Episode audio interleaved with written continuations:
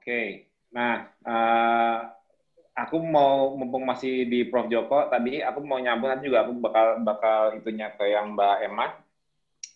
Aku mau share screen nih. Yang tadi dibilang Prof Joko. Jadi per, awalnya dulu aku itu apa uh, eh, KF itu kan aku sebelum udah lama ya. Cuman awal-awal sebelum sebelum ada apa komunitas itu kebanyakan orang kan kalau konseling mau kan by Japri langsung ke ke aku langsung. Jadi dulu sebetulnya protokol awal KF itu protokol terapeutik untuk pengobatan semua. Salah satunya aku masuk ke situ teh hijau.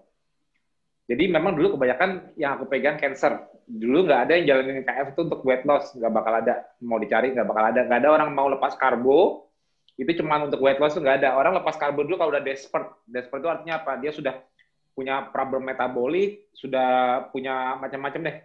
Masalahnya itu udah udah macam-macam. Jadi jadi uh, metabolisme cancer itu yang seperti yang dibilang Prof Joko tadi itu benar. Itu glukos ya. Glukosa itu yang tadi dibilang nih kalau lihat jalurnya, ini yang jalur yang disebut tadi oleh Prof Joko menghasilkan ribos 5 fosfat. Gambar uh, oret-oretanku keluar nggak ya? Kelihatan Mas, keluar. Ini ini kuning ya, sama merah nih harusnya ya. Hmm. Ini glukos, ini ini ke arah ribos 5 fosfat. Ini yang disebut namanya pentose fosfat pathway. Ya, kebaca semua ya. Nah, pentose fosfat pathway ini ini menghasilkan ribos 5 fosfat. Nah, makanya kenapa trik utama untuk mengalahkan kanker itu ialah dari sisi karbohidratnya atau glukosnya, karena pada saat sel kanker itu kan sel yang berkembang dari satu menjadi dua, dua menjadi empat dan seterusnya. Jadi kebutuhan utama dari dari pembelahan sel sel normal maupun sel kanker, tapi yang paling terutama sel kanker yang membelah cepat, itu kebutuhan nukleotide. Purin dan pirimidinnya butuh tinggi sekali. Jadi yang utama kenapa kenapa glukos nih, ini ini kalau aku tarik ini ya, ini kan pathway. Jadi glukos itu kan normalnya kan dibakarnya kan di mitokondria nih.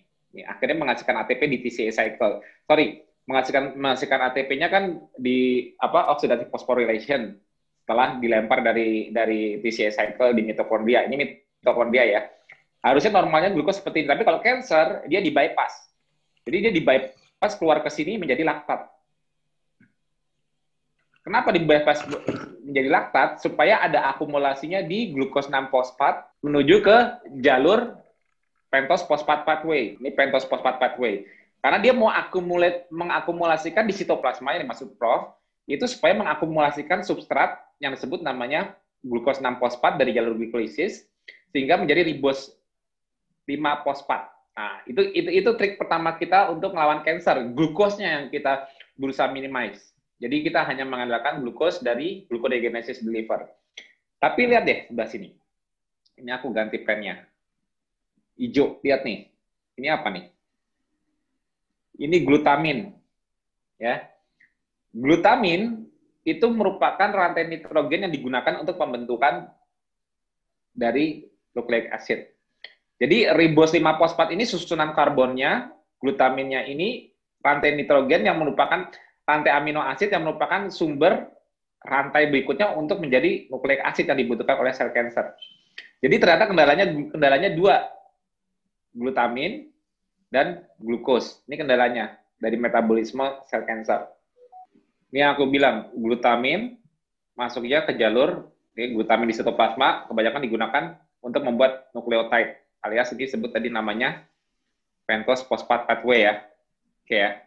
Dan yang utama ini ini aku ngebahas glutaminnya sendiri dan dan glutamin ini selain untuk menjadi nukleotide di pentose fosfat pathway di mana nukleotide ini bahan baku untuk pembentukan sel baru berikutnya, glutamin juga mendorong lihat nih ya, ini jalurnya nih. Selain digunakan untuk untuk rantai di nukleotide, glutamin juga mendorong jalur anabolik via mitokondria juga. Dia masuknya lewat jalurnya alfa keto. Ini namanya alfa ketogutarat. Alfa ketogutarat ini salah satu substrat di TCA cycle. Dia mendorong forward ini ke arah anabolik. Nah, salah satu salah satu enzim yang mengizinkan glutamin untuk masuk ke TCA cycle ialah untuk melalui jalurnya setelah glutamat. Jadi glutamin di mitokondria menjadi glutamat. Nah, glutamat menjadi alfa ketoglutarat. Nah, ada gerbangnya di sini namanya enzimnya disebut glutamat dehidrogenase GDH. Nah, glutamat dehidrogenase ini dihambat oleh EGCG. Ya, jadi tadi glukos, glukos itu ikhtiar utamanya karena itu glikolisisnya, karena sumber glikolisis itu selain sumber energinya, juga sumber untuk uh, membuat materi baru, ya makromolekul baru untuk membuat sel baru, terutama untuk kanker, dan juga dia ngisi ke jalur mitokondrianya, tapi bukan untuk uh, membuat energi, tapi untuk jalur anabolik, di mana output dari TCA cycle ini, kalau ini didorong keluar sini oleh glutamin tinggi, dia keluarnya dari oksaloasetat ini, dia keluar ke sini. Nah dari dari jalur aspartat ini, ataupun dia keluar menjadi PEP, fosfoenol pirufat, ini semua jalur jalur-jalur anabolik yang membantu protein sintesis bagi sel kanker itu sendiri. Ya, jadi glutamin itu ngisi dua ya, pentose phosphate pathway, tapi juga dorong dari glutamat. Nah, ini kombinasinya. Glukos dan glutamin. Ya, ini aku bilang tadi glutamin masukin dari glutamat dehidrogenase ya. Dan ini masuk mengisi alfa ketogutarat. Ya. Nah, ini ini dua ini yang mendorong glukos dan glutamin. Makanya kanker melakukan glikolisis dan glutaminolisis, dua-duanya dalam jumlah besar. Di sini ya, ini glutaminosisnya aku maksud, glutaminolisis. Dalam jumlah besar, ini tujuannya untuk fungsi anabolik, bukan untuk energi. Jadi kanker itu banyak mengambil substrat untuk membuat jadi glukos itu kenapa banyak dipakai bukan hanya untuk energi, energi mungkin makanya nggak banyak karena dia bersifat membelah cepat. Jadi jadi dia bakal berusaha untuk membentuk makromolekul baru. Sumber nitrogen untuk makromolekul barunya dari glutamin. Sumber karbonnya sumber karbonnya itu dari glukosa. Jadi ini kombinasi dua hal. Nah, ini ini jalurnya.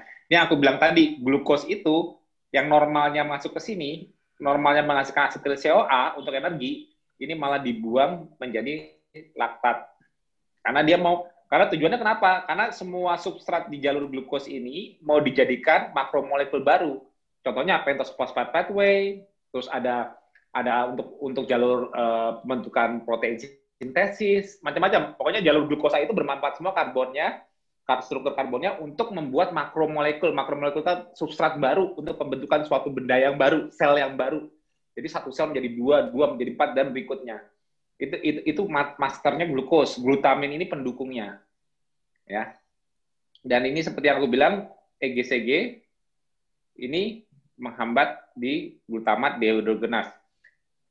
Ini semua, ini semua jauh sebelum aku tahu belum belum ketemu sama Prof Joko. Cuman pas lagi ngobrol sama beliau waktu di Surabaya, loh, kok yang diteliti Prof Joko sama kayak aku yang sama aku yang dulu apa kenapa aku masukin ke protokol. Selain itu juga aku di selain itu mungkin yang tadi nggak dibahas sama Prof Joko, aku juga juga menggun, apa memanfaatkan EGCG tujuannya untuk mencegah insulin spike berlebihan postprandial. Makanya pada saat karena aku sering bilang kalau teh hijau kan di protokol kan setelah makan. Ya protokol di tempat kan kan ternyata kenapa aku suruh minumnya setelah makan? Ini ini fungsi non terapeutik ya. Maksudnya pada saat kita makan kita makan kan unsur protein. Kadang-kadang proteinnya bisa berlebih unsur glutamin kadang-kadang. Ya kita nggak tahu. Kadang-kadang kita kita aku nggak mau ngitung-ngitung itu tapi pencegahan supaya insulinnya tidak lompat kan kalau kita nggak makan karbo harusnya kan insulinnya kan tidak tidak uh, tinggi dong tapi kadang-kadang insulinnya bisa spike kalau unsur glutaminnya ketinggian. Nah, ini aku dan EGCG aku gunakan untuk juga di sini. Ini beta cell. Nah, kalau di beta cell itu seperti ini. Jadi, walaupun kita nggak makan, walaupun uh, uh, pemicu beta cell mensekresikan insulin paling utama itu glukosa, tapi seperti sama seperti sel cancer, dia bisa mendorong juga dari alfa ketoglutaran. Jadi kan beta sel pankreas itu kan juga memiliki mitokondria. Nah, jalur anaboliknya bisa dipush oleh glutamin. Sama jalurnya lewat glutamat dehidrogenase juga.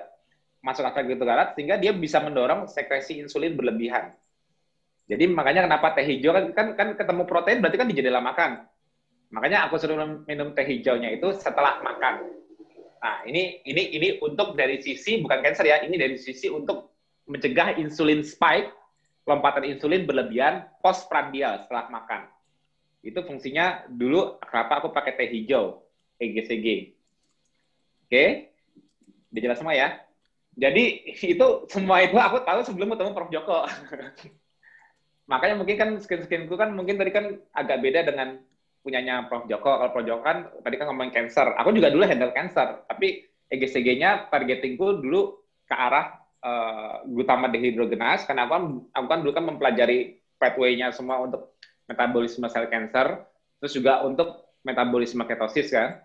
Nah, jadi targeting EGCG itu targetnya dulu lebih ke arah glutama dehidrogenase. Dan kan Prof. Joko juga menyampaikan lagi ternyata EGCG itu manfaatnya banyak banget. Nah, tadi kan ada ada untuk uh, berbagai apa reseptor lain bisa terpengaruh oleh EGCG. Nah, jadi kenapa di protokol KF itu ada teh hijau? Ini ini rasionalisasiku. Ya. Kalau Prof Joko kan dari sisi uh, pengembangannya di farmasi. Kalau aku rasionalisasi dalam uh, kenapa aku masukkan ke dalam protokol KF. Kayak kalau kalau kenapa di protokol KF itu ada ada VCO, itu yang dari Mbak Emma tadi, yang Mbak Emma bilang tadi, kalau orang yang ada problem metabolisme, kecepatan buat ketonnya itu bisa jadi lambat di awal. Padahal pada saat dia nggak makan karbo, gula darah sudah turun. Untuk mencegah hipoglikemia yang bergejala, yaitu neuroglikopenia, di mana di mana gula darah turun, otomatis otak kekurangan gula, tapi ketonnya juga belum banyak. Nah, itu dihandle-nya dengan memasukkan unsur VCO. Di mana kenapa VCO? Karena yang aku lihat bukan bukan VCO-nya, kandungan di dalamnya apa? Kayak tadi teh hijau, teh hijau apa? EGCG-nya. Kalau VCO apa? Medium chain triglyceride-nya. Di mana medium chain triglyceride itu lebih cepat menjadi keton. Nih aku aku upload gambar juga ya. mumpung mumpung udah ada yang duluan mulai main pathway, aku juga dong ikutan main pathway. Mumet mumet Tahu tahu kalah pasti. ya kalau kalau mau mau mumet mumet sekalian tanggung. Lampiaskan mas. nah, kenapa aku memilih menggunakan itu? Nah, ini yang dibilang sama tadi Mbak Mbak Emma. Kalau kita makan lemak biasa, lemak biasa itu rata-rata ya makan ikan, telur, ayam, daging, apa gitu kan pasti ada lemaknya. Itu namanya long chain fatty acid karena rata-rata uh, rantai karbon fatty, fatty acidnya itu panjang. Makanya disebutnya LCFA. Ya, ini LCFA. Ya, ini lumen ini usus, ini lumennya usus, ini LCFA. Nah, kalau LCFA, long chain fatty acid ini keserap di usus setelah dia diemulsikan oleh bile, asam empedu, dan akhirnya masuk ke dalam usus dalam bentuk uh, dalam bentuk dua ya, fatty acid, fatty acid itu sendiri, dan bukan gliserol. Gliserol nggak boleh dilepas total pada saat masuk ke dalam itu karena karena kalau gliserol kalau kalau pemecahan long chain fatty acid ini untuk diserap khusus harus menjadi free fatty acid dan gliserol, berarti butuh karbohidrat untuk mengikatnya kembali karena sumber gliserol paling utama ialah gliserol 3 fosfat yang asalnya dari karbohidrat. Jadi hmm. untuk penyerapan long chain fatty acid masuk ke dalam lumen dari usus ini, penyerapannya itu dipecahnya cuma parsial, artinya fatty acid dan monoasil gliserol MAG, monoasil gliserol. Jadi gliserolnya itu nggak benar-benar dipecah, masih terikat sama satu fatty acid, sehingga pada masuk ke dalam pada pada saat sudah di dalam di dalam apa enterosit sel usus untuk dikemas di silomikron, ini silomikronnya itu ini yang buat ngemas supaya dia keliling-keliling di darah kita lewat jalur limfatik, itu tidak memerlukan gliserol 3 fosfat lagi untuk pembentukan gliserol barunya. Cukup dengan enzim untuk merangkaikan kembali monoasil gliserol tadi dengan free fatty acid dua lagi yang kepecah tadi menjadi triglyceride lagi, triasil gliserol lagi. Triasil gliserol itu bahasa umumnya lemak, tapi triasil gliserol ini macam-macam jenisnya. Ada yang long chain fatty acid, ada yang medium chain, ada yang short chain. Nah, yang aku omongin ini yang rata-rata lemak kayak kayak kita nih, di pipi perut paha kita lemaknya kebanyakan disimpan dalam bentuk apa? Long chain. Rantai panjang. Karena itu karena itu cara terhemat bagi bagi struktur kimia untuk untuk merangkaikan untuk merangkaikan menyimpan, untuk menyimpan energi. Energi yang tersimpan antara jadi gini, kalau kita memasukkan energi itu di mitokondria sebetulnya mendapatkan dari uh, ikatan ikatan ion dari ikatan dari karbon dan karbon dan hidrogen. Ikatan karbon itu kan CH, CH, CH, kan CHO, CHO itu kan digabungin kan di belakangnya itu kan nanti kan dipecahnya kan di mitokondria untuk menjadi untuk mendorong uh, apa namanya uh, proton yang menghasilkan ATP kan. Nah, cara tubuh kenapa tubuh kita menyimpan dalam bentuk lemak karena itu cara paling efisien. Kenapa bukan gula sumber energi utama kita? Kenapa? Menyimpan dalam bentuk lemak itu ialah penyimpanan paling efisien karena bisa merangkai begitu banyak rantai karbonnya. Makanya paling efisien ialah long chain fatty acid. Untuk ya jadi paling kalau orang nanya paling banyak lemak kita tersimpan apa mas? Short chain, medium, apa long? Long chain kebanyakan. Hmm. Jadi triglyceridnya versinya long chain. Itu itu cara utamanya. Jadi kalau kita uh, lagi puasa memecah lemak kita, lemak kita yang mau dibakar sebagai energi maupun menjadi bahan baku keton itu kebanyakan long chain fatty acid, catat ya. Karena itu yang paling dominan. Walaupun ada medium chain juga, tapi nggak dominan. Yang dominan selalu long chain, karena itu paling efisien. Karena lemak itu sifatnya hidrofobik, dan juga uh, dengan membentuk long chain ini, potensial energinya lebih lebih compact, lebih lebih lebih bagus gitu loh. Makanya kalau kita puasa, kita kebanyakan bakar long chain dari badan kita sendiri. Kalau kita makan ikan telur ayam juga kebanyakan kita dapatnya long chain fatty acid, ya. Kalau ini di usus penyerapannya ini aku aku kasih tahu. Dan kalau di usus long chain fatty acid setelah menjadi ini dia dikirim oleh silomikron nggak langsung ke darah. Dia ke jalur limfatik dulu. Ini ini, ini limfatiknya kelihatan nggak nih? Ini aku pakai warna hijau. Ini limfatik ini jalur limfa ini jalur limfatik dari limfatik baru ke peripheral tisu ke darah. Disirkulasikan. Terakhir baru liver. Itu long chain ya. Nah kadang-kadang orang punya punya metabolic isu punya punya aku cuma obesitas tapi ternyata dia sebelumnya kadang-kadang aku udah bilang diabetes itu silent. Metabolic syndrome itu silent. Dia nggak sadar kalau dia punya problemnya. Dia cuma merasa merasa sehat karena dia makan terus seperti aku ceritakan di TV-TV sebelumnya tapi sebetulnya dia punya masalah metabolisme. Nah itu itu masalah metabolismenya nanti aku tunjukkan. Kenapa kita kadang-kadang kenapa fisio itu membantu di awal? Karena aku mencari MCT-nya. Jadi kalau kalau ini kan tadi kan LCFA ya, nih long chain fatty acid. Nah ini dia membutuh waktu lama untuk bersirkulasi. Kalau med, untuk sampai ke liver karena liver nih, li, jadi abis, abis ke peripheral tisu, terakhir baru liver, lihat ya. Jadi fatty acid deliver yang berasal dari ACFA itu paling terakhir jalurnya. Tapi kalau ini aku ganti warna apa ya biru ya. Oke. Okay. Kalau medium chain triglycerid, jadi visio itu mengandung medium chain triglycerid atau ada eks, ada ekstraksi yang sudah lebih dimurnikan namanya MCT oil. Nah, itu namanya medium chain triglycerid. Nah, medium chain triglycerid ini sifatnya dia langsung langsung ke liver. Ini, ini tulisannya portal vein, disebutnya hepatic portal. Jadi penyerapannya itu seperti penyerapan glukosa dan amino asid protein. Dia langsung hepatic portal jalurnya. Nggak, dia nggak muter dulu di limfatik, nggak meluter dulu ke seluruh tubuh untuk dipakai. Baru kalau lemak itu terakhir, lemak itu liver itu dapat paling terakhir. Tapi kalau kalau glukosa, amino asid dan medium chain triglycerid itu liver duluan yang dapat. Nah, makanya aku bilang dia mensuplai mensuplai lemak ke liver lebih cepat. Nah, sekarang aku mau metabolismenya di liver seperti apa. Kalau long chain fatty acid tadi saat dia masuk ke dalam mitokondria kan fungsinya kan untuk menghasilkan ATP di mitokondria. Dia selalu membutuhkan namanya carnitin transporter. Merah nih. Dia selalu membutuhkan namanya carnitin transporter ya. Dia selalu diikat oleh carnitin supaya untuk ini dari sel membran ya ini karnitin untuk ini sorry karnitin transporter ini ini untuk membawa dari sitoplasma ke mitokondria. Sampai di mitokondria dia butuh transporter di sini ada sebenarnya transporter di sini namanya CPT1 dan CPT2 ini, ini enzimnya. Karnitin long chain ini harus ditransfer melalui CPT1 supaya long chain fat supaya long chain ini long chain ya fatty acid bisa masuk ke jalur beta oksidasi. Ini beta oksidasi sehingga Nah, beta oksidasi ini akhirnya masuk ke, ke oxidative phosphorylation, menghasilkan ATP. Atau akumulasi asetil CoA menghasilkan keton. Nah, tujuannya kan tujuannya kan kita kan menghasilkan keton.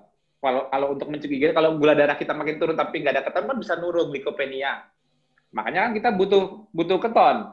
Nah, kadang-kadang orang yang punya sindrom metabolik atau diabetes, dia bermasalah di mana? Nih, di mitokondria. Jadi mitokondrianya itu jelek. Gampang ini. Orang punya sindrom metabolik, problem terbesarnya utama ialah di level selnya ialah mitokondria. Nah, kalau mito kalau mitokondria itu bermasalah, otomatis ya CPT1-nya bermasalah nggak? Bermasalah. Nah, kalau CPT1 bermasalah, langsung mitokondrianya begitu begitu dia mulai mulai keto, nggak makan karbo lagi, kira-kira CPT1-nya langsung bisa ngambilin lemak, langsung buru-buru bikin keton banyak-banyak nggak? Ya belum dan belum tentu juga. Jadi masih ada resiko hmm. kalau orang punya sindrom metabolik atau punya masalah metabolik sebelumnya yang yang ujungnya ialah ialah mitokondria yang bermasalah, bisa jadi dia punya masalah di juga di CPT1-nya. Jadi kalau hmm. CPT1 ini sangat penting atau mitokondria sangat penting untuk menghasilkan yang disebut namanya keton, karena kalau nggak makan gula agar otak tidak kehilangan energi, kita kan harus menggantikan dengan keton. Gimana dong ngakalinya supaya menunggu mitokondrianya membaik sehingga bisa efektif memasukkan lemak yang long chain sekalipun untuk menjadi keton, gimana dong? Jadi agar bisa makan menghasil mem, apa membuat keton dari lemak long chain yang rantai panjang dari makanan maupun dari badan sendiri saat puasa, gimana caranya? Karena kan kebanyakan di badan kita kan long chain. Karena semua harus lewatin harus lewatin jalur CPT1 ini. Sedangkan CPT1 ini identik dengan mitokondria yang bagus. Kalau ini mitokondrianya morfologinya kalau dilihat selnya jumlahnya sedikit dan density-nya density-nya juga nggak bagus, otomatis sudah bisa diprediksi CPT1-nya bermasalah. Apalagi kalau dia punya fatty liver. Nah, bedanya medium chain triglyceride, aku ganti warna dulu, hijau ya.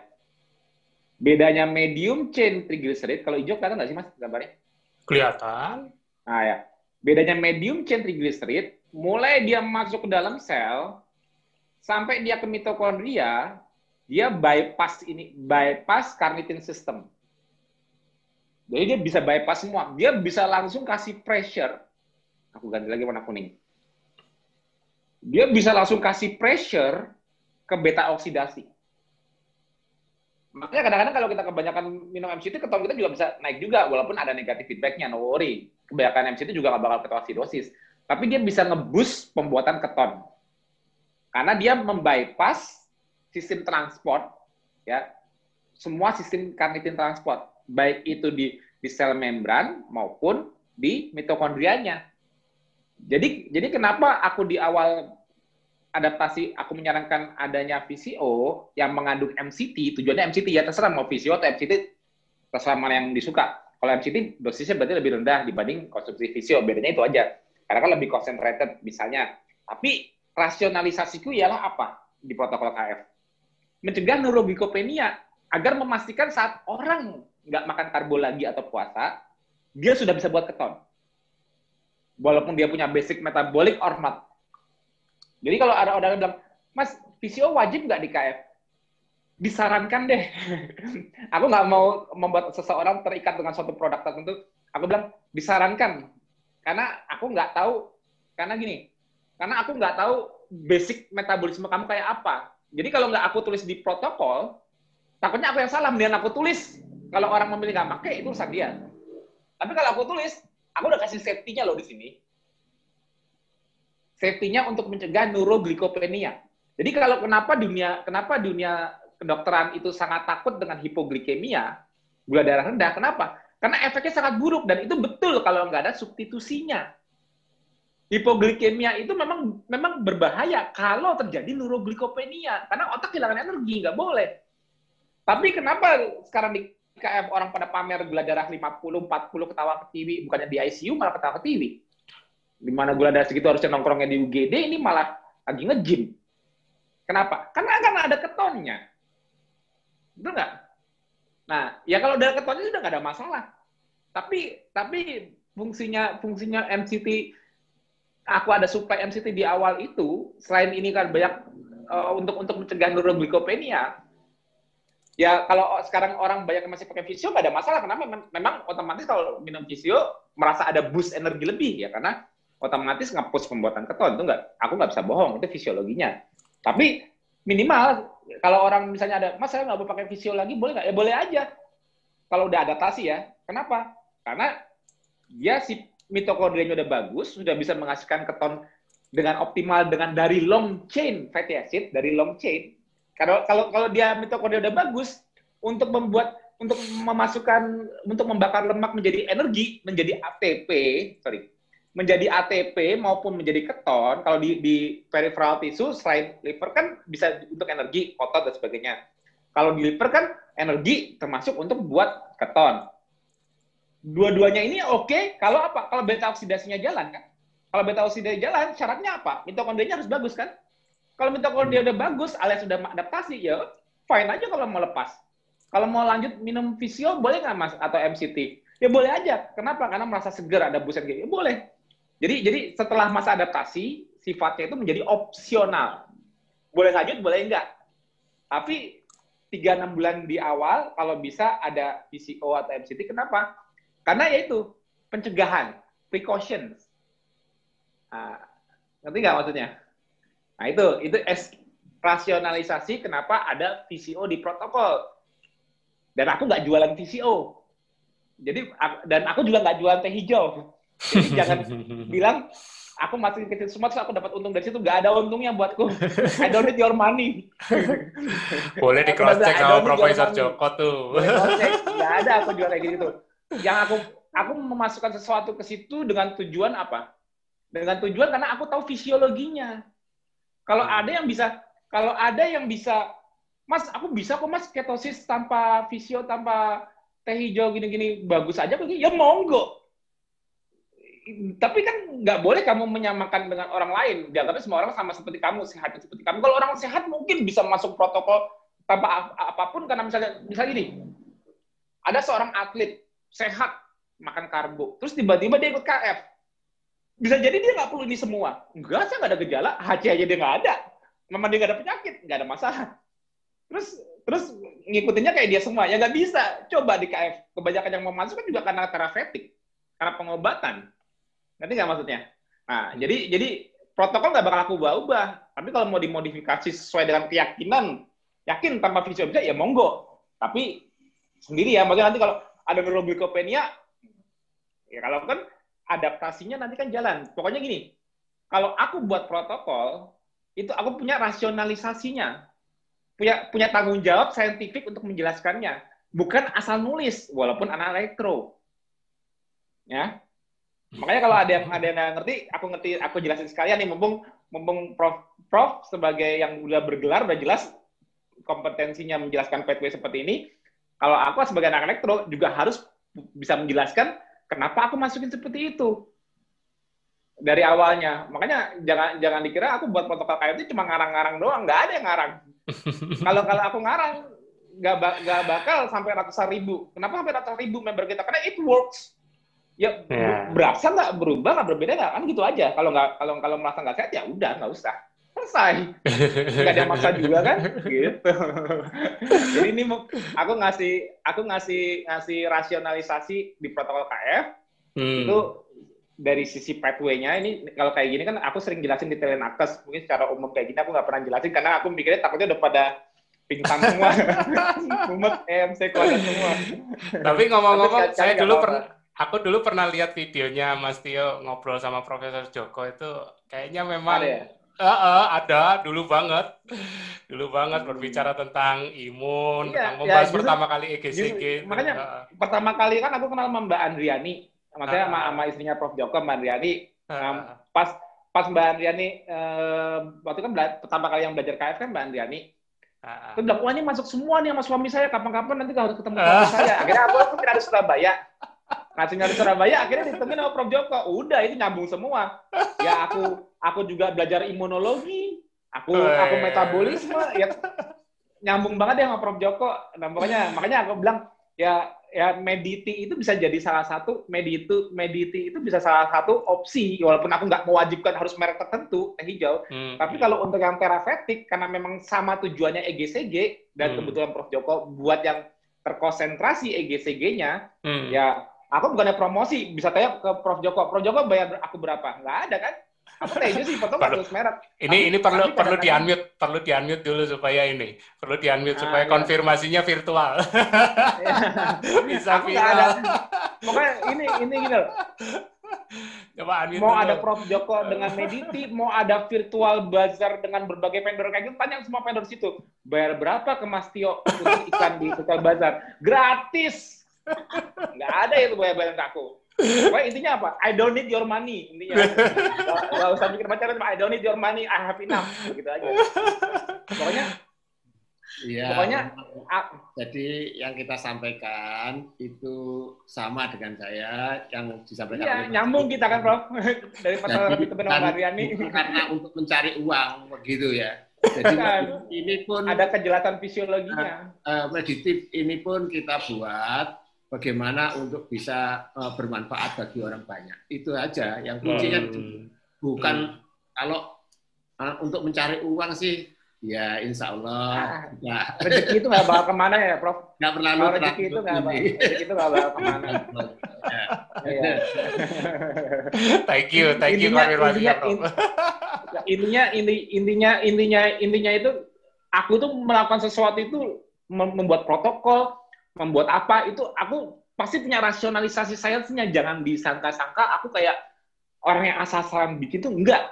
Tapi ya aku jelaskan tadi, gue bisa ada orang yang di luar sana bilang gue bisa kok keto tanpa itu semua ya bisa tapi masa aku harus nyamain dia padahal ada orang yang memerlukan kan makanya aku membuat safety range tuh kan yes. lebih aman punya safety range sama nanti ada yang ngasih masukan oh uh, pakai garam ini pakai garam itu, itu kan sebetulnya kan remedy remedy bukan suatu kewajiban tapi itu kan membantu nanti pada akhirnya contohnya aku aku aja sekarang udah minum VCO ah udah udah udah berapa tahun mau minum visio nggak ada masalah. Kenapa? Ya udah jelas metabolisme udah bagus.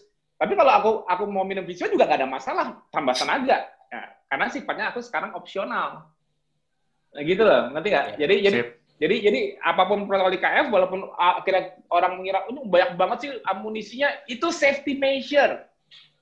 Safety measure supaya mensmoothkan transisi seseorang dari non ketosis menjadi ketosis. Kenapa? Karena orang yang non ketosis ini ialah non ketosis yang sudah lama sudah lama. Kalau kalau mungkin bayi baru lahir yang sudah ketosis terus pada saat dia empasinya nggak dikasih karbo, itu mau udah nggak perlu apa-apa. Dia sudah terlahir ketosis dan tidak dibatali ketosis sampai dia dewasa, itu nggak ada masalah.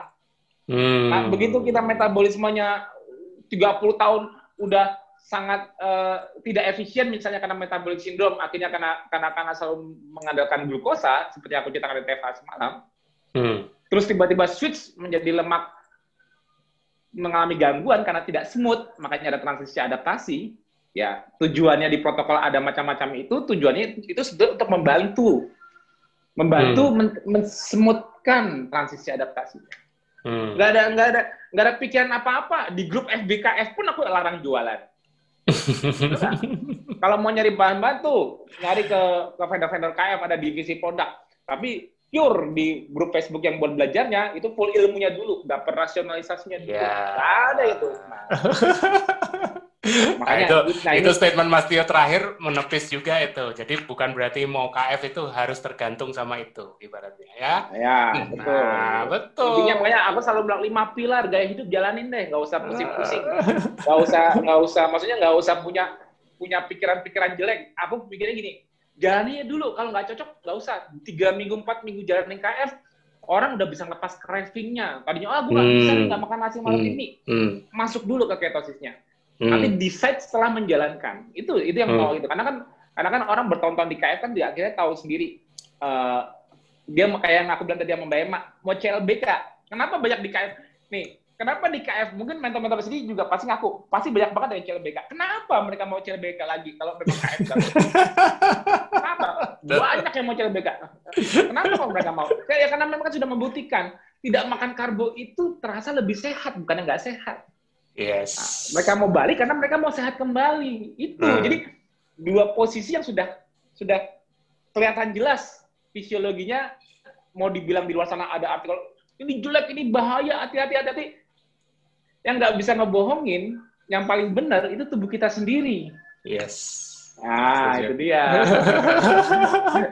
Oke, okay, ada Mbak Emma bisa nyambung lagi sekalian. Ya, boleh. Mbak, uh, Mas Yo mau nambahin Mbak Emma atau enggak? Tadi udah kayaknya ya. udah ya, sedikit tadi ya, tentang healing ya. crisis ya. ya. Nah, misalnya healing crisis. Nah, kalau healing crisis itu yang mau aku tambahin, aduh, udah mau aja nih Mas. Ini aku kejar cepet deh. Yeah. Misalnya sini udah udah udah di, di masjid udah itu. Oke. Okay. Kalau healing crisis itu ciri-ciri paling mudah gini. Membedakan healing crisis atau aku memang ada masalah. Jadi gini, healing crisis itu diawali oleh peningkatan energi di awal, terus muncul gejala, tapi setelah selesai gejala, peningkatan kondisi dari sebelumnya, perbaikan. Itu healing crisis. Tapi aku selalu cek measure-nya dulu. Pada saat pada saat bergejala, ada suatu masalah di belakang sama ini healing crisis, itu pas ada gejala bisa bisa sama. Misalnya sama-sama gatal-gatal, sama-sama hmm. diare, sama-sama lemes, sama-sama mengalami flu symptom misalnya. Nah, tapi yang membedakan ini healing crisis atau bukan, di healing crisis itu di awal kayak seger tuh dulu badannya kayak lebih fresh, tapi tiba-tiba muncul gejala, diakhiri biasanya dengan dengan BAB lebih banyak, habis itu kayak ada something yang hilang dari ada ada problem yang yang yang yang dulunya selalu ada hilang setelah gejala ini muncul. Hmm. Itu healing crisis karena menghasilkan suatu healing yang baru. Nah, kadang-kadang aku cek dulu juga faktorialnya. Nggak semuanya itu aku ngomong itu HC, enggak. Kalau aku dulu selalu bilang sama karena dulu KF itu uh, fungsi awalnya itu ialah terapeutik. Jadi tujuh orang-orang tuh kalau di KF itu dulu kalau mau KF bukan untuk weight loss, tujuan utamanya mereka terapeutik, memperbaiki kembali metabolisme mereka. Aku selalu kasih dua syarat. Syarat kunci menggunakan KF untuk terapeutik yang harus disupport ialah healingnya, healing saat tidur. Hmm. Ya, jadi di KF menggunakan untuk untuk fungsi terapeutik nggak boleh insomnia. Makanya tadi Mbak Emma bilang kalau kurang malamnya gantikan pagi atau siangnya. Jangan punya hutang tidur. Karena sleeping hmm. is healing. Tidak boleh insomnia. Kalau mau menggunakan KF untuk fungsi healing. Fungsi terapeutik, apa pun keluarmu. Yang kedua, karena karena healing itu menseleksi sesuatu, kayak Mbak Emma tadi bilang, seleksi yang terjadi di jendela puasa, repair-nya terjadi di jendela makan dan tidur. Karena hmm. udah dapat nutrisi untuk repair, dan dia tidur melakukan healingnya. Ya kan, healingnya. Nah, karena terjadi seleksi, seleksi mana yang bagus dan mana yang jelek, yang jelek kan bisa jadi dibuang. Toxicity di tubuhnya kan dibuang. Hmm. Nah, saat toxicity jadi dibuang, itu disebutnya kalau umumnya detoksifikasi. Nah, detoksifikasi ini yang benar itu ialah detoksifikasi sempurna, bukan parsial. Kebanyakan orang di awal saat dia melakukan KF terjadi perbaikan alias seleksi di jendela puasa menghasilkan banyak impurities dan toxicity yang dikeluarkan ke darah, itu baru hmm. partial detox. The real detoxifikasi ialah kalau sudah bablas keluar dari tubuh, alias entah itu dari urin, entah itu dari BAB. Hmm. Nah, jadi syarat kedua menggunakan KF untuk terapeutik, jangan sembelit. Koreksi dulu apa pun caranya di awal, walaupun masih masa adaptasi. Jadi jangan insomnia, jangan sembelit kalau mau bagus hasil untuk efek terapeutik sebagai ikhtiarnya menjalankan KF. Jangan insomnia, jangan sembelit. Identifikasikan dua hal ini terus setiap kamu ada gejala. Sebelum kamu mikir ini, HC, apa aku HC ya? Kalau ada dua ini percuma. Aku nggak bisa justify itu HC. Hmm. Bisa jadi karena ini masalahnya. Nah, karena karena karena contohnya tidur itu kan menyebabkan uh, kurang tidur insomnia itu kan menyebabkan stres di badan. Hmm. Walaupun yang dibilang Mbak Emma tadi betul. Aku nggak punya tools untuk psikologi. Nah, jadi kuncinya kuncinya pada saat tubuh bergejala itu tubuh stres. Aku lagi demam nih, aku lagi gatal-gatal, aku ada gejala apa? Itu tubuh kamu stres. Intinya kamu stres. Kalau nggak percaya, cek aja gula darahnya, pasti lebih tinggi. Orang lagi bergejala, pasti gula darah lebih tinggi. Pasti pasti tubuhnya lebih stres, makanya demand-nya lebih tinggi. Nah, stres di badan, stres di badan ini dikoreksi. Nah, jadi jangan kalau kalau tidur bagus apa bagus tapi ternyata dia banyak pikiran, stres pikiran, ya efeknya juga stres ke badan juga. Itu jadi bisa jadi salah satu pemicu inflamasi atau simptomnya muncul. Hmm. Nah, tapi tapi kalau aku jarang menanyakan psikologi sih jujur. Kalau yang japrik aku, aku jarang jarang jarang menanyakan stres ada stres pikiran nggak? Karena dulu sih pernah, tapi ujung-ujungnya aku nggak selesai satu japrian karena akhirnya curhat kalau ngomong stres pikiran. Makanya aku, aku, aku, aku mikirnya stres yang lain dulu nih. Tidurnya bagus nggak? Kalau nggak bagus, aku tidak suruh koreksi. Uh, semblit nggak? Kalau kalau semblit kan aku tidak suruh koreksi. Kalau bilang, yeah. ya stres pikiran nggak? Iya mas, aku banyak utang gini-gini. Udah selesai. aku tuh nggak nggak pindah WA aja tuh kalau udah curhat kepanjangan. Karena kalau jawaban banyak. Jadi tapi itu menjadi salah satu faktornya juga stres pikiran. Tapi itu harus bisa ditemukan stres psikologi harus bisa ditemukan solusi masing-masing karena masalah duniawi ini kan ruwet. Tiap orang punya masalah berbeda, ada aja faktor duniawi stres. Dan uh. karena aku bukan punya kompetensi sebagai seorang psikolog, aku nggak berani nasihatin terlalu banyak-banyak. Aku nasihatin selalu standar. Perbanyak ibadah, ikhlas. Uh. Kalau kalau itu jadi gini, kalau kalau nih kalau kalau kalau mau tahu, Mas Tio aku nggak pernah nasihatin psikologi sih.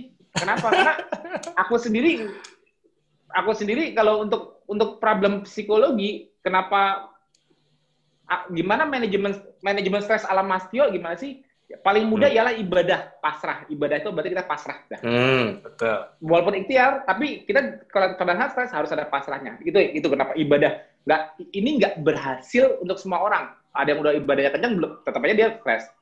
Yang kedua ialah jadi forgiver, pemaaf. Hmm. Kadang-kadang orang stres karena karena dia kesel sama banyak orang, kesel sama ini kesel udah maafin aja udah. Orang yes. orang kalau pem, orang pemaaf itu, orang pemaaf itu itu bahagia dijamin. Kenapa? Karena dia merasa nggak punya musuh. Nah. Mau, mau orang luar ngomongin ini mau ya bodoh amat. Udah gue maafin dah, udah nggak apa-apa. Udah nggak apa-apa. Nah, gitu loh. Akhirnya kita yang bahagia. Yang orang lainnya nggak bisa maafin, ya dia rugi terus, dia stres terus, kesal terus. Nah itu, jadi rahasia aku nomor dua itu ini yang ketiga ikhlas. Dah. Kalau ngeluarin duit, ngelakuin sesuatu, kehilangan duit sekalipun, daripada bikin stres, ikhlasin. Selesai. Hmm. Dijamin deh. Ini ini kalau mau ngambil tips aku, itu caraku sendiri pribadi. Aku nggak tahu bisa dipakai apa enggak. Tapi itu gaya hidupku. Gaya hidupku, tips dariku, aku cuma itu aja. Kalau stres, atau gimana? Ngadu ke atas, ibadah pasrah. Hmm, hmm. Yang kedua, pemaaf. Hmm. Anggap anggap semua orang itu baik. Ya. Mau mau orang itu jahat, tapi basicnya anggap aja manusia itu dilahirkan murni, baik semua. Ya. Ya kan? Nah makanya kita maafin aja dulu deh. Nah gitu. Hmm. Walaupun memang di akhirnya penjahat kayak atau apa kita nggak tahu lebih amat. Yang penting kita bahagia, nggak kebanyakan pikiran lagi. Ketiga, yeah. ikhlas, relain uh -huh. aja. Iya. Nah, tiga ini yang aku pakai sendiri untuk membuatku selalu apa ya jadi nggak banyak pikiran maksudnya nggak yeah. nggak nggak nggak nggak mau naikin kortisol nggak mau apa ya kalau mau dicontek monggo kalau ternyata tips dari dariku nggak berhasil ya bantu yang lain kayak yoga, meditasi, apa pun itu. Ya, oh ya, sorry yang keempat, olahraga itu dari itu. kalau olahraga, nge-gym yang stresnya di badan, insya Allah stres di pikiran berkurang kalau kita sering melatih stres di badan. Itu tips dariku. Empat, yeah. kalau masih kurang, cari bantuan yang lain. Pokoknya stres harus turun, sembelit harus beres, tidak boleh insomnia. Beresin itu dulu deh. Yeah. Insya Allah protokol kayaknya smooth. Nah, itu tambah yeah. dariku dan udah ajan. Pasti ya, ngepasin. Sebenarnya masih banyak loh pertanyaan, tapi ini luar biasa yeah, materinya, yeah. nyambung ya kan antara Mbak Emma juga dan juga Prof Joko ya kan, walaupun cukup teknikal tapi nyambung disambungkan dengan cakep sama Mas Tio, ya kan? Tapi Mas Tio tadi juga kasih kasih pencerahannya luar biasa, ya kan? Sekali lagi uh, kita harus yang evaluasi diri, seberapa stres kita. Tadi udah disinggung juga sama Mbak Eman tadi waktu presentasinya. Harus jujur sama diri sendiri. Kalau masih semuanya sudah oke okay nih, secara protokol, secara ini semua. Jangan-jangan memang justru karena stres, walaupun kita selalu bilang, nggak ada yang dipikirin, ya kan? Tapi jangan-jangan ya itu tadi seperti tadi Mas udah kasih beberapa sudah maafin beberapa beberapa yang menyakiti belum misalnya kayak gitu. Atau masih kepikiran duit belum ya kan? Utang si siapa belum ya kan? Kadang-kadang itu mau tidak mau jadi kepikiran loh ya kan? Kalau Mas Tio kan ya udah begitu modelnya. Yang ada orang-orang sekeliling Mas Tio yang gemes. Mas kok bisa sih digituin? Diem aja. Gitu biasanya pasti. Kalau aku ikut banyak pikir nanti aku ikut stres lagi. Ngapain? Oh ya nih mbak mbak mbak mbak mbak Septia bener. Sedekah. Nah itu. Ya, kalau mau kita dilan kalau mau kita dilancarkan untuk berbagai masalah kita di dunia ini kan pasti banyak masalah kan ya, ya. nah untuk melancarinnya untuk ngesemutinnya entah masalah apa pun entah entah masalah keuangan entah bisnis dan sebagainya atau hmm. masalah hutang piutang apa apa sebagainya, kuncinya apa supaya ngelancarin? Dan aku sudah membuktikan sedekah, betul Mbak hmm. hmm. jangan hitung sedekahmu. Iya, jangan Itu berharap lagi. betul. jangan berharap lagi. Udah kasih ya kasih ya kan. Udah jangan di di diundat-undat ibaratnya kalau bahasa Jawa bilang. Oh. Dan jangan, jangan dihitung. Ah, betul. Ini, jangan dihitung, jangan hitung ingat itu loh. Pokoknya pokoknya ini kalau perlu gini nih. Kalau sholat Jumat, ini sorry ya, ini contoh yang mutu. Sholat Jumat, berapa yang keluar dari tangan kita masukin, udah nggak usah lihat, jangan dihitung. Percaya deh, nggak, nggak pernah ada ruginya. Ya, tuh. ya, itu belajar ikhlas ya. Bahkan terhadap Tuhan sendiri pun kadang kita suka hitung-hitungan loh. Tuhan, aku udah ini ya, udah hafal ya, besok berkati ya. Hati-hati itu begitu. Oke, okay. uh, okay. mungkin kita izin sholat dulu ya, Bapak yang sholat.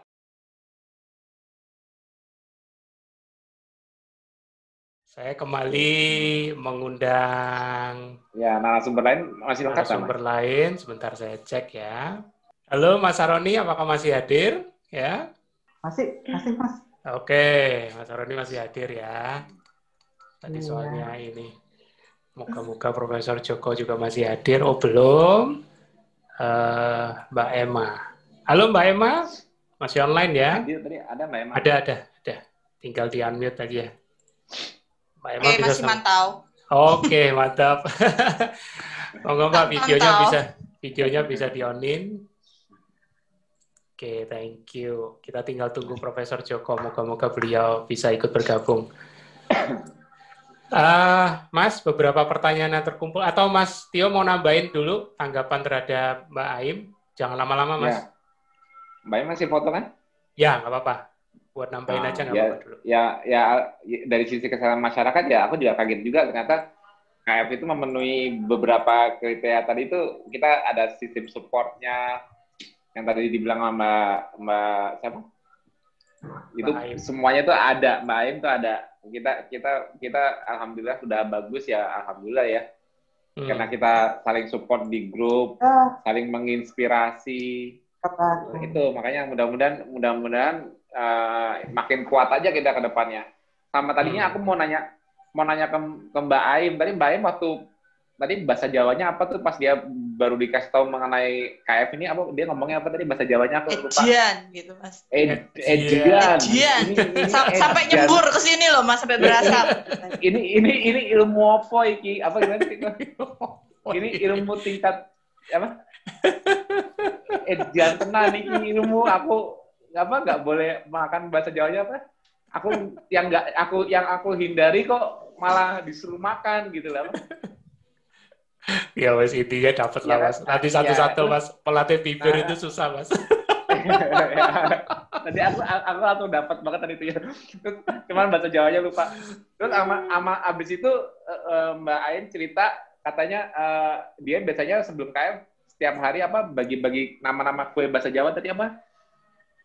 apa nama-nama kue bahasa Jawa aku nggak tahu tadi lupa yang nama Ampun, yang diingat Mas Tio itu lagi OTOT ya tuh ada OTOT terus apa lagi uh, apakah makan makanan gitu ya makanya aku kaget jadi yang berarti berarti tapi tapi tapi ini bener loh kan kan uh, rata-rata kita kan kalau yang nggak ngerti KF kan pada pada pada mungkin bilangnya sama kayak Mbak Aim awalnya nggak tahu kalau eh Dian makan kayak gitu kok malah boleh diet apaan itu Udah mendok belum? Hmm. Nah, udah, udah. Pokoknya, ya. pokoknya nah, ote-ote, onde-onde, apa pun kue-kue kayak gitu kan kalau bagi masyarakat umum dianggap normal. Yang dihindari itu, yang dihindari itu, yang dibilang Edian itu, Hah? makan apa misalnya kikil, makan apa misalnya uh, apa tadi? Ya makanan-makanan kita yang dianggap mengerikan itu dianggap wah Edian iki kan tapi yang normal itu justru malah kue-kue kue-kue gitu loh, ngerti gak? Dan hmm. begitu kalau orang-orang yang nggak nggak KF begitu dia punya masalah kesehatan, kue-kuenya itu dianggap tetap normal, yang tepung terigu itu dianggap tetap normal, yang dikurangin yang berlemak-lemak. Bener gak sih kayak gitu? Aku pengen tahu. Cara cara kesehatan masyarakat. Aku tadinya mau nanya langsung ke Mbak Aim. Jadi iya. kalau kan, kan pandangan umum, pandangan awam kayak Mbak Aim sendiri kan menganggap apa tadi? Aku belum baca chat OT OT onde onde. Kocor, ah, Mas. Kucur kok Kocor.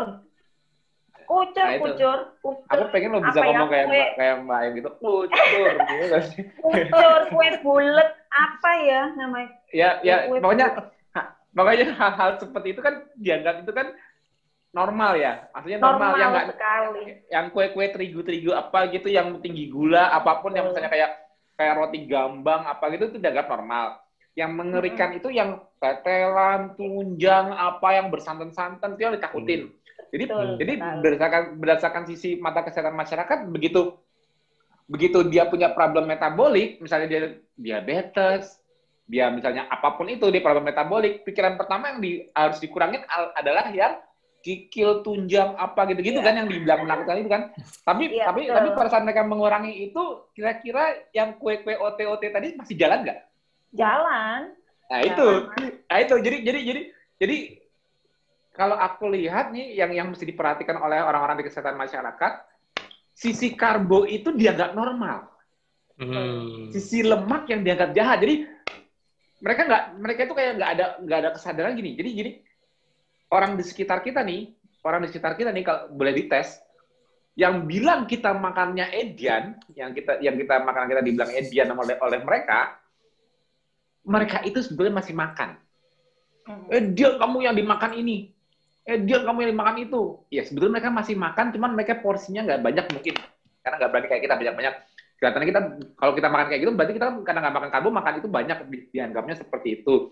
Padahal yang mereka masih jalan apa? Yang pada mau, mau siapa pun itu, mau dia tenaga kesehatan, mau dia bukan tenaga kesehatan, saat bilang makanan kita nggak sehat, mereka makannya tetap seperti yang aku tebak tadi itu. OT-OT, onde-onde, cakwe, Hmm. apa pun itu, mereka makan dan mereka menganggap itu fine.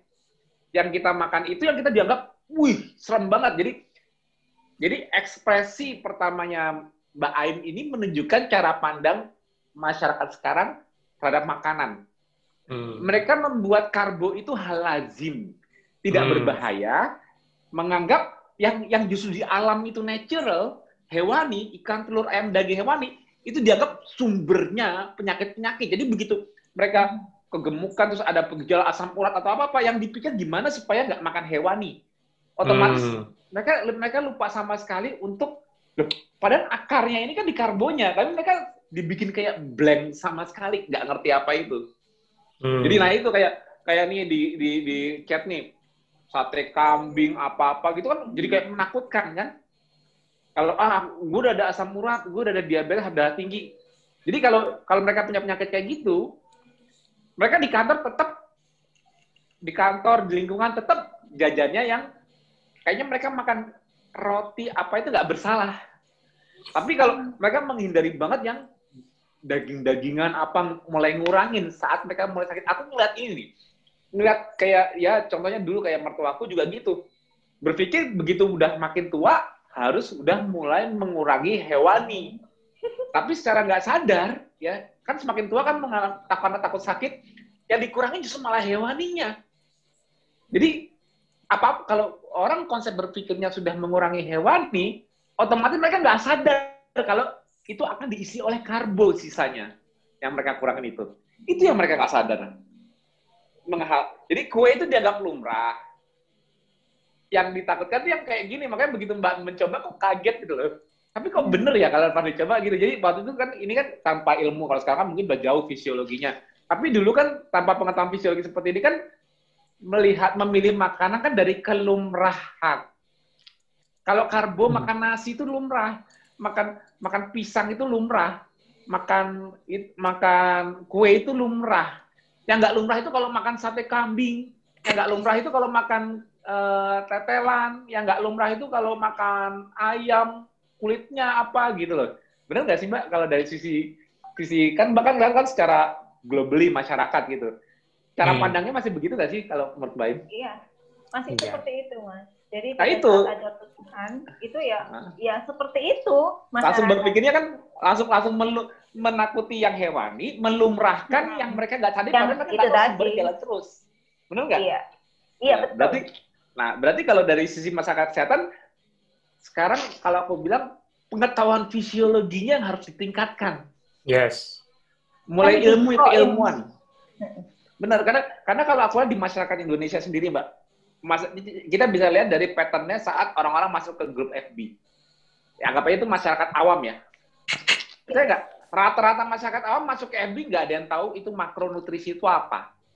Hmm. Nggak tahu juga karbo itu tahu. apa, nggak tahu protein itu apa, nggak tahu Iya. lemak itu apa. Itu tiga paling basic nutrisi. Mereka taunya cuman apa? Oh kalau sayur sehat, buah sehat.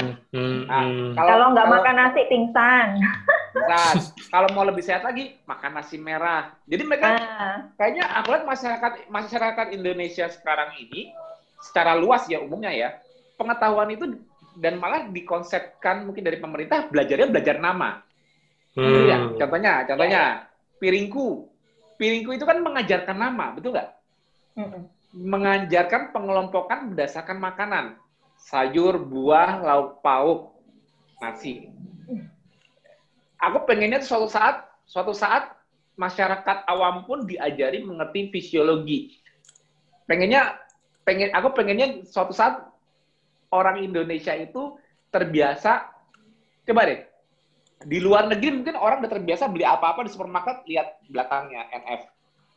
Hmm. Di Hmm. Indonesia kalau orang ke supermarket ke mana-mana, ada nggak yang latin NF? Kalau coba deh, kalau ke Carrefour, ah, sorry, apa pun supermarketnya, lihat orang ngambil sesuatu lihat belakang, pasti udah curiga nih kayaknya orang orang KF nih, orang keto nih, dia ngeliat-liat NF-nya. kalau orang lain nggak secomot gambarnya bagus, menarik, taruh gini-gini, betul nggak? Nah, itu jadi, jadi, jadi itu awareness pengetahuan dasar mengenai makronutrisi, karbohidrat, protein, dan lemak, ilmunya itu nggak nyampe di masyarakat. Masyarakat mudah, kalau menurutku ya, aku bukan orang kesehatan masyarakat, tapi kalau menurutku, mereka jadi mudah melumrahkan sesuatu dan menyalahkan sesuatu berdasarkan kelompok makanan, bukan makronutrisi. Hmm. Harapanku tuh makronu- makronutrisi itu sampai ke level mas- masyarakat. Jadi kalau bilang, awas karbo. Jadi mereka udah tahu benar karbo itu apa sih, dasarnya dari mana sih, tumbuhnya dari mana sih. Jadi mereka bisa membedakan mana karbo, oh ini protein, oh ini lemak. Nah itu yang simpel aja dulu yang paling basic karbohidrat, protein dan lemak. Ini kayaknya lemah banget di masyarakat kita. Itu yang itu yang yang aku rasa nggak tahu gimana penguatannya itu di situ harusnya untuk mengerti apa yang mereka makan karena karena selama ini masyarakat Indonesia secara luas dan umum mengerti makanan hanya dari pengelompokan nama makanan paling jenis Hmm. makanannya ini lauk ini apa apa tapi tidak tidak pernah ada usaha pengajaran sampai ke level terbasic yaitu karbohidrat protein dan lemak benar nggak sih Betul, banget. Nah, itu loh Pengenalannya, pengenalannya belum, ya kan? Terus eh, mak- maksudnya pengenalan itu mengidentifikasi ini sebenarnya karbo atau enggak. Jadi kadang-kadang yang aku yang aku lihat, sorry bukannya mengamati, tapi masih dilem apa? eh, dilematis kalau aku bilang ya istilahnya yang pas Hmm. antara nasi dikurangin atau tidak boleh, tapi digantinya masih dengan kentang Ah. atau singkong. Betul. jadi, Gitu. jadi jadi jadi kayak kayak kayak ya memang memang kalau bagi nutrisionis yang nutrisionis yang mengajarkan itu kan tahu karena mungkin dia tahu karena dia belajar karena itu Iya. otomatis kalau dia kalau kalau seseorang yang sakit dia sebagai nutrisionis menyarankan yang glycemic index-nya direndahkan rendah betul dari nasi putih ke nasi merah ke yes kentang ke apa pun itu atau memperbanyak unsur sayurnya atau seratnya sehingga otomatis lebih cepat kenyang tanpa harus masuk banyak karbonnya karena begitu banyak sayurnya otomatis kan Hmm. feeling juga kan jadi Yes. mengurangi unsur nasi unsur karbohidrat dan unsur eh, eh, lauknya yang mungkin berlemaknya itu jadi jadi kelihatannya kelihatannya efektif padahal mengurangi dengan stretch yang sama volume yang sama kalorinya lebih rendah yes Ngerti nggak? Jadi jadi jadi jadi jadi mem- memudahkan memudahkannya seperti itu. Tapi masyarakatnya tapi aku rasa nggak dapat pinternya. Maksudnya coba deh gini, contoh kayak di KF. Nih aku mau ngetes nih. Mungkin orang-orang di sini banyak yang dulunya aku mau lihat di chat. Dulunya banyak nggak yang ikut diet lain sebelum KF? Nih di bawah tahun 2016. Di bawah tahun 2016 aku mau nanya. Yang di yang di chat boleh jawab. Dulu kan banyak dulu kan banyak macam-macam diet pasti udah nen- nemuin semua pernah nggak ada yang sampai membahas karbohidrat protein dan lemak kayak di KF Nggak pernah. pernah nggak sebelum masuk KF pernah nggak sampai ngerti apa itu karbo ngerti apa itu protein ngerti apa lemak dengan diet diet yang dengan grup-grup dulu diet apa pun itu yang berkembang mau itu mayo mau FC apa pun itu udah bertahun-tahun sebelum aku memperkenalkan di Indonesia 2016 Hmm. pernah nggak sampai setahu itu? Enggak. sejak aku 2016 buka FB dan sama ya makin aware nggak? Mulai ngerti nggak apa itu karbohidrat protein dan lemak? Dari yang pernah denger nggak insulin dulu pernah denger nggak gluconeogenesis dulu Enggak. Ya, nah, dulu, dulu dulu dulu di dia diet kalian tuh kalian belajar apa Belajar nama Banyakin makanan makan yang ini. boleh. banyakin makan itu Produknya, Mas. Nama Atau- makanan atau yang boleh. Produk. Kayak kayaknya kayaknya aku rasa di dia diet sebelumnya kalian belajar superfood deh. Oh yang ini super, ini super, ini super. Kalau makin banyak ini, saya jadi makin super sehat. Betul nggak? Ya. Coba aku mau tanya bener nggak? Hanya sekedar kalau boleh satu- atau tidak berdasarkan nama Ah. makanan. Ya, jadi kalau ada sesuatu yang dianggap super itu diperbanyak sehingga kita sehat itu berdasarkan jumlah kuantitas dari yang makanan superfood itu makin banyak masuk. Betul nggak sih? Aku mau nanya. hmm, betul. Betul. Bener nggak? Pasti. Betul. Betul banget.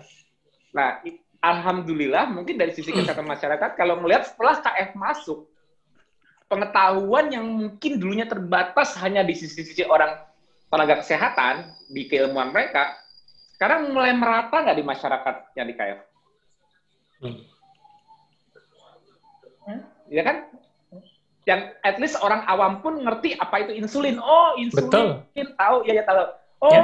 Gluconeogenesis. Oh ya ngerti ngerti. Oh, karbohidrat. Oh ya tahu. Oh, protein itu amino asid. Baru akhirnya ngerti protein itu amino asid. Hmm. Oh, lemak itu protein. Jadi jadi aku senangnya apa? Di KF itu orang awam mulai aware, Yes. tergelitik untuk belajar. Yes. Jadi Betul. ada ada ada suatu gaya hidup, ada suatu ya anggap aja kita jaga diet, nggak apa-apa deh. Anggapnya anggap suatu diet baru yang muncul tahun 2016 tapi menggelitik orang pengen tahu lebih dalam mengenai fisiologi Badannya Betul sendiri minimal. badannya sendiri apa itu loh. Itu, itu itu yang mau jadi gini, akhirnya kalau kalau semua orang akhirnya dibikin tergelitik kayak gini, kebenaran nggak bisa ditutupin lagi. Sama aku? Yes. Betul. kalau kenapa banyak orang di KM ini yang yang yang yang akhirnya tahu hal-hal yang tadinya atau cuma nama makanan aja tapi sekarang udah udah mengetahui oh komposisi makanan itu ternyata minimal udah tahu karbohidrat protein dan lemak. Minimal dia udah tahu respon insulin itu gimana. Minimal dia udah tahu udah tahu sedikit-sedikit mengenai fisiologi manusia. Lebih kritis nggak dalam memilih makan? Maksudnya lebih lebih bisa mengungkapkan kebenaran nggak? Mana yang sebetulnya Hmm. harus dipilih? Hmm. Jadi nggak Hmm. nggak tiba-tiba, wedian yang dimakan kayak gitu semua. Itu kayak kayak masih shock gitu loh kayak masih shock terhadap terhadap sesuatu yang natural di alam, tapi melumrahkan proses food yang dibuat manusia. Kue, cucur itu lumrah, kakue itu lumrah, OT-OT itu lumrah. Yang tidak lumrah, yang di alam, kikil, kambing, daging. Wedian. Lanjut. Astio ini makin lihai. Aku speechless udah. Ya, ini eh, tadi sedikit sebenarnya banyak eh, ada beberapa pertanyaan untuk Profesor Joko ini terkait sama teh hijau, tapi it's okay. Nanti mungkin aku bisa sampaikan ke Oh, beliau belum, via WA. belum, belum, belum, oh nggak masuk ya? Belum, belum, nggak- belum. nggak. Iya, belum mas. Nggak apa-apa. Ah, aku lanjut ke ini aja deh. Eh, ini ada pertanyaan yang kayaknya ini dari memang belum baru pertama kali tahu tentang Nah. seminar ini nih. Ya kan? Kalau ada nggak di sini yang baru pertama kali KF? Bener nggak yang aku pengen tahu yang aku bilang tadi itu? ada nggak di sini nih? Kalau bisa ngomong-ngomong di chat deh. Ada nggak yang di sini yang baru nonton yang nggak yang baru pertama kali masuk KF nggak tahu itu apa KF yang baru pertama langsung ikut masuk ke SFH ini? Nggak apa-apa jujur aja nggak usah malu. Bener nggak? Ah. tahu nggak beda karbohidrat protein dan lemak? Pasti aku jamin nggak tahu. Tahu nggak apa Ah. itu insulin? Dari yang baru Ah. mau belajar. Kalau dia berani ngaku pasti sih bilang iya ini baru mau belajar baru mau dengar aku maksudnya tuh ngambil random sampling dari orang awam. Membuktikan bahwa pengetahuan fisiologi di masyarakat itu sangat rendah. Sangat rendah sekali. Kayak kayak kayak disembunyi-sembunyikan kayak ya ya at least mulai pengelompokan itu nggak cuma nama. Jangan ya memang nama paling gampang di, di, diasimilasikan. Tapi at least gelitiklah masyarakat untuk cari tahu sendiri dengan handphone mereka masing-masing. Apa sih yang namanya karbohidrat, apa ya. sih yang namanya protein, lemak itu loh. Jadi kalau kalau kalau kita mulai oh anggap aja gini ya, anggap aja anggap aja gizi seimbang itu atau piringku itu membagi dalam bentuk karbohidrat berapa persen, protein hmm. berapa persen, lemak berapa persen, terserah atau gizi seimbang gimana. Tapi kalau dibuat seperti itu, orang jadi nyari tahu. Oh, kalau karbohidrat saya di piringku cuma boleh 40 persen misalnya, karbohidrat hmm. itu apa ya? Kan at least kan dengan kayak gitu kan, orang kan belajar karbohidrat itu ternyata, oh karbohidrat yes. itu kalau diserap karbohidrat jadi apa? Oh karbohidrat kalau diserap di tubuh jadi gula. Hmm kebuka semua kan kebenarannya apa pun yes. karbohidratnya kalau yang terserapnya pasti jadi gula kebenarannya kebuka maksudnya hmm. jangan dikelompokkan dengan nama lauk pauk sayur buah terus apa misalnya uh, uh, makanan pokok apa pun itu hmm. Hmm. itu nggak itu itu nggak bisa membuat orang belajar hmm. tapi kalau kalau kalau misalnya anggap aja pemerintah buat piring itu karbohidrat sekian persen bolehnya uh, disarankan sekian persen protein disarankan sekian persen uh, terus sama lemak sekian persen.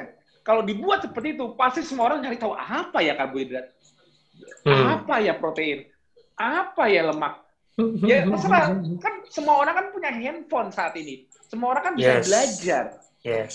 Kan ilmu itu kan sekarang dibuka, website gratis. Hmm. Orang-orang sebar ilmu di mana-mana, tapi menggelitik orang punya ilmu. Tapi kalau nggak dikasih nggak dikasih arahnya, mereka mesti mencari ke mana, mereka mencari pengetahuan yang hmm. mereka taunya wah yang ini sehat kalau gue makan banyak logikanya gue makin sehat yes. akhirnya kayak gitu ngerti gak? Uh.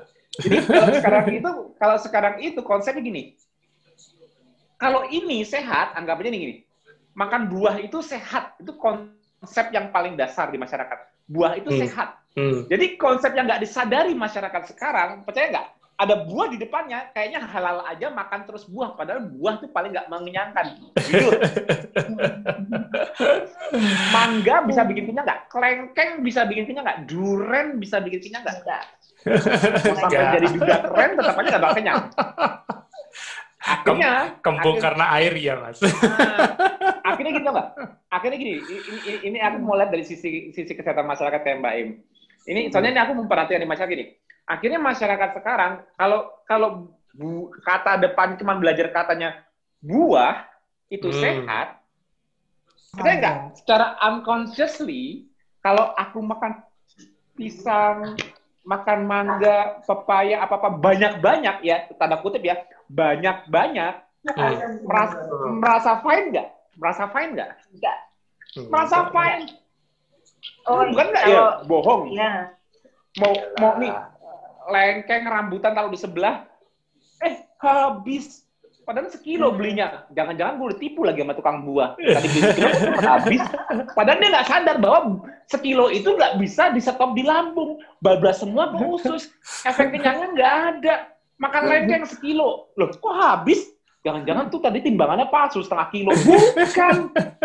Fisiologi kamu tidak bakal bisa menghentikan buah masuk terus menerus. Itu dijamin. Tapi kalau udah habis, ah nggak apa-apa, kembung-kembung dikit. Kan tadi makan buah, uh. Pasti gitu. Coba kalau makan sate, sate, tau-tau udah 20 tusuk, aduh, gue kayaknya bakal sakit nih 20 tusuk sate.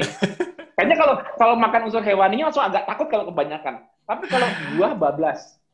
Padahal Sayur sate bablas. bisa, iya, maksudnya maksudnya karena konseptualnya itu nama makanan, hmm. ini sehat, ini jangan, ini sehat, ini jangan dan banyak orang sekarang berpikir bahwa apa? Kalau mau lebih sehat, pada kutip, perbanyak makan yang dianggap sehat tadi itu. Betul hmm. nggak hmm. sih? sangat. Ayo, kalau mau jujur, betul nggak sih? Sangat, nah, sangat. Mas. Konsep itu nggak bakal pernah selesai kalau nggak ada yang berani bongkar. Yes. Nah, di KF kita bongkar habis-habisan. Oke, okay. ini uh, aku mesti kasih kasih tempat dulu untuk beberapa pertanyaan sudah terkumpul oh, ya, dari pagi ya. Uh, salah satunya sebenarnya mengarah ke presentasinya Mas Aroni. Moga-moga Mas Aroni masih standby. Ada. Ya. Ya, jadi uh, tadi kan berbicara ke excess kalori, Mas Aroni tadi sempat berbicara excess kalori. Ini kayaknya buat para FIC aja dulu, ya kan? Kalau Mas Tio pasti panjang nanti. Aku kekang dulu ya Mas ya, biar nggak terlalu lepas kendali. Mas Aroni, kalau yang makan nasi banyak tapi nggak gemuk-gemuk itu disimpan di mana ya kelebihan kalorinya? Itu satu. Terus Uh, ini ada sedikit nanya pengerasan atau plak di pembuluh darah dengan KF apakah bisa hilang atau mencair lah bahasanya gitu. Mungkin nanti sama Mbak Emma ya. Untuk Mas Tio, aku udah kirim via WA, kayaknya ada satu newbie itu yang baru mau menjalankan hmm. KF. Pertanyaannya sudah aku WA, Mas. Silakan nanti sambil di ini sambil menunggu Mas hmm. Aroni dan Mbak Emma menjawab. Silakan. Oh, kasih kasih nomor WA aku aja, Mas. Jadi nanti kan aku dibaca juga aja dulu. Dibaca aja oh, iya. dulu. Karena ini kayaknya dia spesial di SFH. Monggo Mas Aroni. Oh, ya. Eh sebentar, sebentar. Unmute dulu nih. Ya, silakan. Ya, uh, halo Mas. Ya, silakan. Ya. Kelebihan ekses kalori ya. Ya, uh, kalau nggak kan, gemuk-gemuk. Iya, ya inilah yang sebenarnya perlu kita cari tahu lebih lanjut ya. Hmm. Karena memang dari beberapa, misalnya saya lihat teman-teman yang biasa kerja bangunan gitu ya, itu kan kalau mereka beli nasi di warung, itu kan kalau mereka bilang, Mas taruh porsi kerja tukang gitu kan, itu biasa nasinya lebih banyak dari biasa yang ditaruh di bungkus gitu ya. Hmm. Nah itu bakannya banyak dan itu tiga kali gitu. Hmm. Nah jadi Nah, jadi kan kalau kita lihat tadi ada tiga, ada pertama kan kalau misalnya aktivitasnya tinggi, itu kan mungkin itu bisa terpakai ya, terpakai pada saat aktivitas, misalnya kan hmm. aduk semen atau apa itu kan aktivitasnya tinggi juga. Hmm. Kemudian yang kedua di glikogen. Nah, yang jadi masalahnya adalah ketika dia tidak apa tidak tersimpan dalam bentuk fat gitu ya. Hmm, betul. Itu yang jadi pertanyaan. Nah, itu yang jadi pertanyaannya ke mana? Gitu hmm. kan? Makanya terus terang saya punya teman memang banyak makan ya ini saya belum melakukan penelitian lebih lanjut atau belum mengamati lebih lanjut ya, belum tanya-tanya detail. Hmm. Beliau orangnya kurus tapi makanannya banyak. Itu akhirnya kena hepatitis B juga gitu. Hmm. Nah, jadi akhirnya ketika kena hepatitis uh, kemampuan makannya pun nggak bisa banyak gitu ya tapi sebenarnya hmm. banyak banget beliau bukan bukan tukang gitu bukan bukan pekerja membangun bangunan gitu atau konstruksi gitu hmm. yang, yang perlu kita cari tahu sebenarnya ini larinya ke mana gitu kan hmm. karena ini kita khawatir dia tersimpan dalam organ gitu ya hmm. dan organ yang organ-organ berat misalnya kayak liver gitu kan. Mm-hmm. Nah, nah ini uh, biasa gejala metabolik sindromnya lebih cepat terasa. Gitu. Mm. Yang masih bagus, uh, masih banyak tempat penyimpanan fat store-nya seperti glycogen store juga misalnya, itu kan dia menggemuk dulu. Mm. Membesar dulu sampai ada batas restriksi daripada penyimpanan tadi. Nah, makanya kan kayak tadi misalnya ketoasidosis ya. Mm-hmm.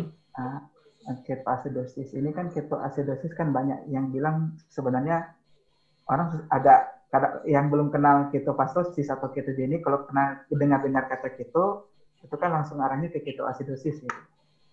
Mm. Ini kan diabetes ke satu ya. Nah, ini kan uh, banyak juga yang arahnya ke sana gitu.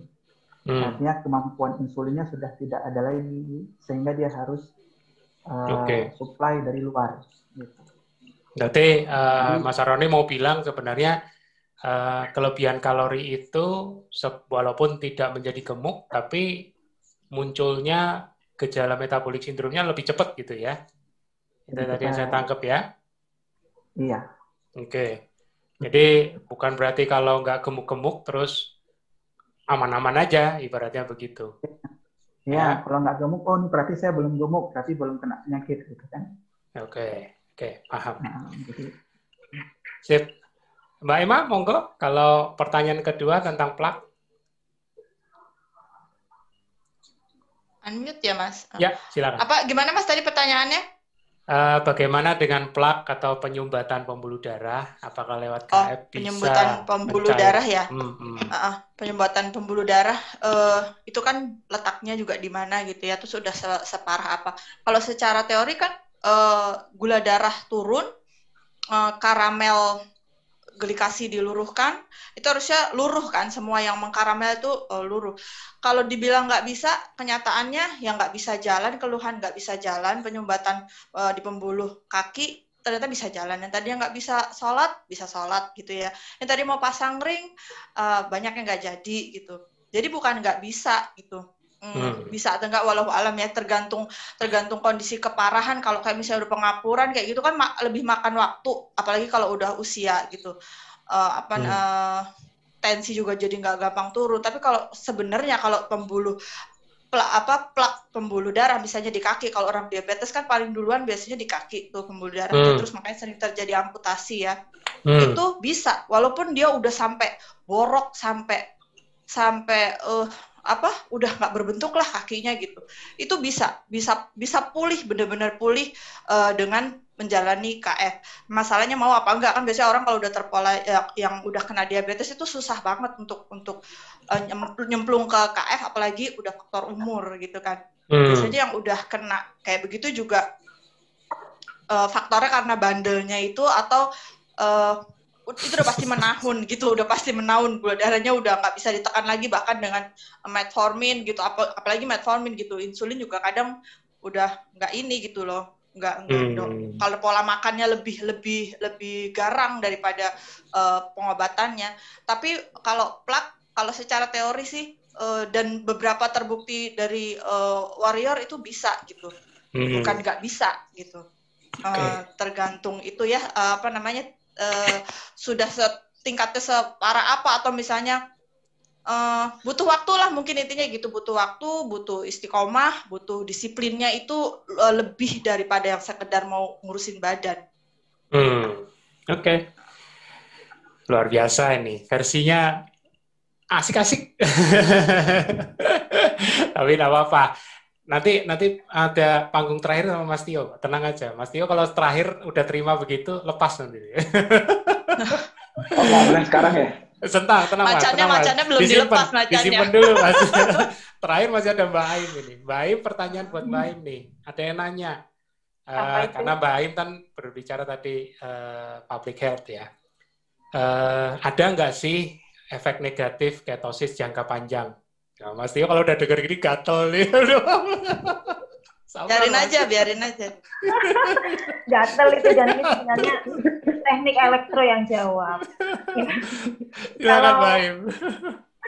Bener apa salah ya ini nanti ya jawabnya.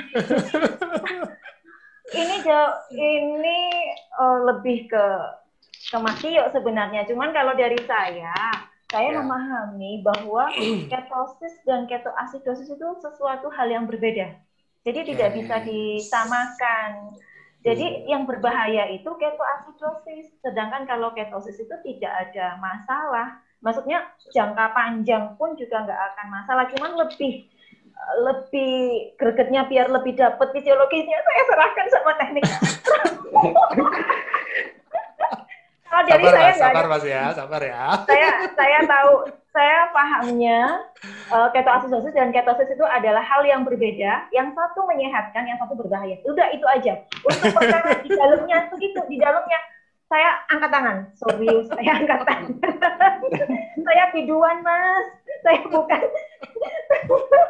Iya, ada apa-apa. Tapi ini ya. ini menunjukkan satu satu apa ya bahwa kita semua itu perlu belajar ya. Even dokter pun perlu belajar, betul ya Mbak Im ya? Betul kan? Tenaga kesehatan ya, pun ya. perlu belajar loh. Jadi kalau belajar. kalau kita dibutuhkan open mind. Ya. Cuman cukup aja. Betul. Open mind cuman Cuman masalahnya kalau untuk saya pribadi itu saya nggak nyambung-nyambung kalau bahas yang bulat-bulat begitu. Itu itu aja. Saya sangat sangat mau untuk belajar. Jadi saya saya kadang mengambil yang bahasa awamnya saja, yang uh. saya pahami, saya uh. ketuk tularkan, masih masih uh. ingat kan ketuk tular, saya ketuk tularkan ke masyarakat dengan bahasa yang lebih awam lagi. Kadang nah, bahasa iya. saya aja masih belum bisa diterima oleh masyarakat. Bahasa saya yang sudah berusaha. Jadi kalau yang bulat-bulat beneran saya nyerah. saya kembalikan. Jangan takut dituntut harus jelasin fisiologis karena nanti iya. tugas kita uh, para ya kalau boleh dibilang para senior ini kan memang seperti tadi Mbak Im bilang harus mengantarkannya dalam bahasa awam ya kan Mas Roni di Aceh, Mbak Emma iya. dengan para para CLB Cars, ya kan, Baim dengan dengan mungkin juga uh, langsung ke masyarakat grassroots ya kan dari sisi dokter ya kan. Nah, tapi intinya yang tadi saya mau lanjutin bahwa nakes pun perlu belajar. Intinya semua orang perlu memahami yang tadi Mas Tio bilang. Ayo cari tahu loh, ini akses informasi sudah. Kita nggak bisa lagi hanya ber, ber, berpegang pada, oh ini boleh, ini nggak boleh, udah udah tidak lagi zamannya begitu. Ini nama ini oke okay, super, yang itu kayaknya kurang, ini yang masih lebih super, makan ini lebih banyak, engkau lebih sehat. Harus mulai mengenali lah, ya kan? Kalau enggak ya Anda habis-habis seperti tadi Mas Yo bilang, tidak selesai-selesai perdebatannya. Nah, sekarang bintang utamanya saya lepas. Monggo Mas Tio. Nah, aku lagi nyari gambarnya dulu ntar. Tuh, langsung nyari gambar. Habiskan, silakan. Nah.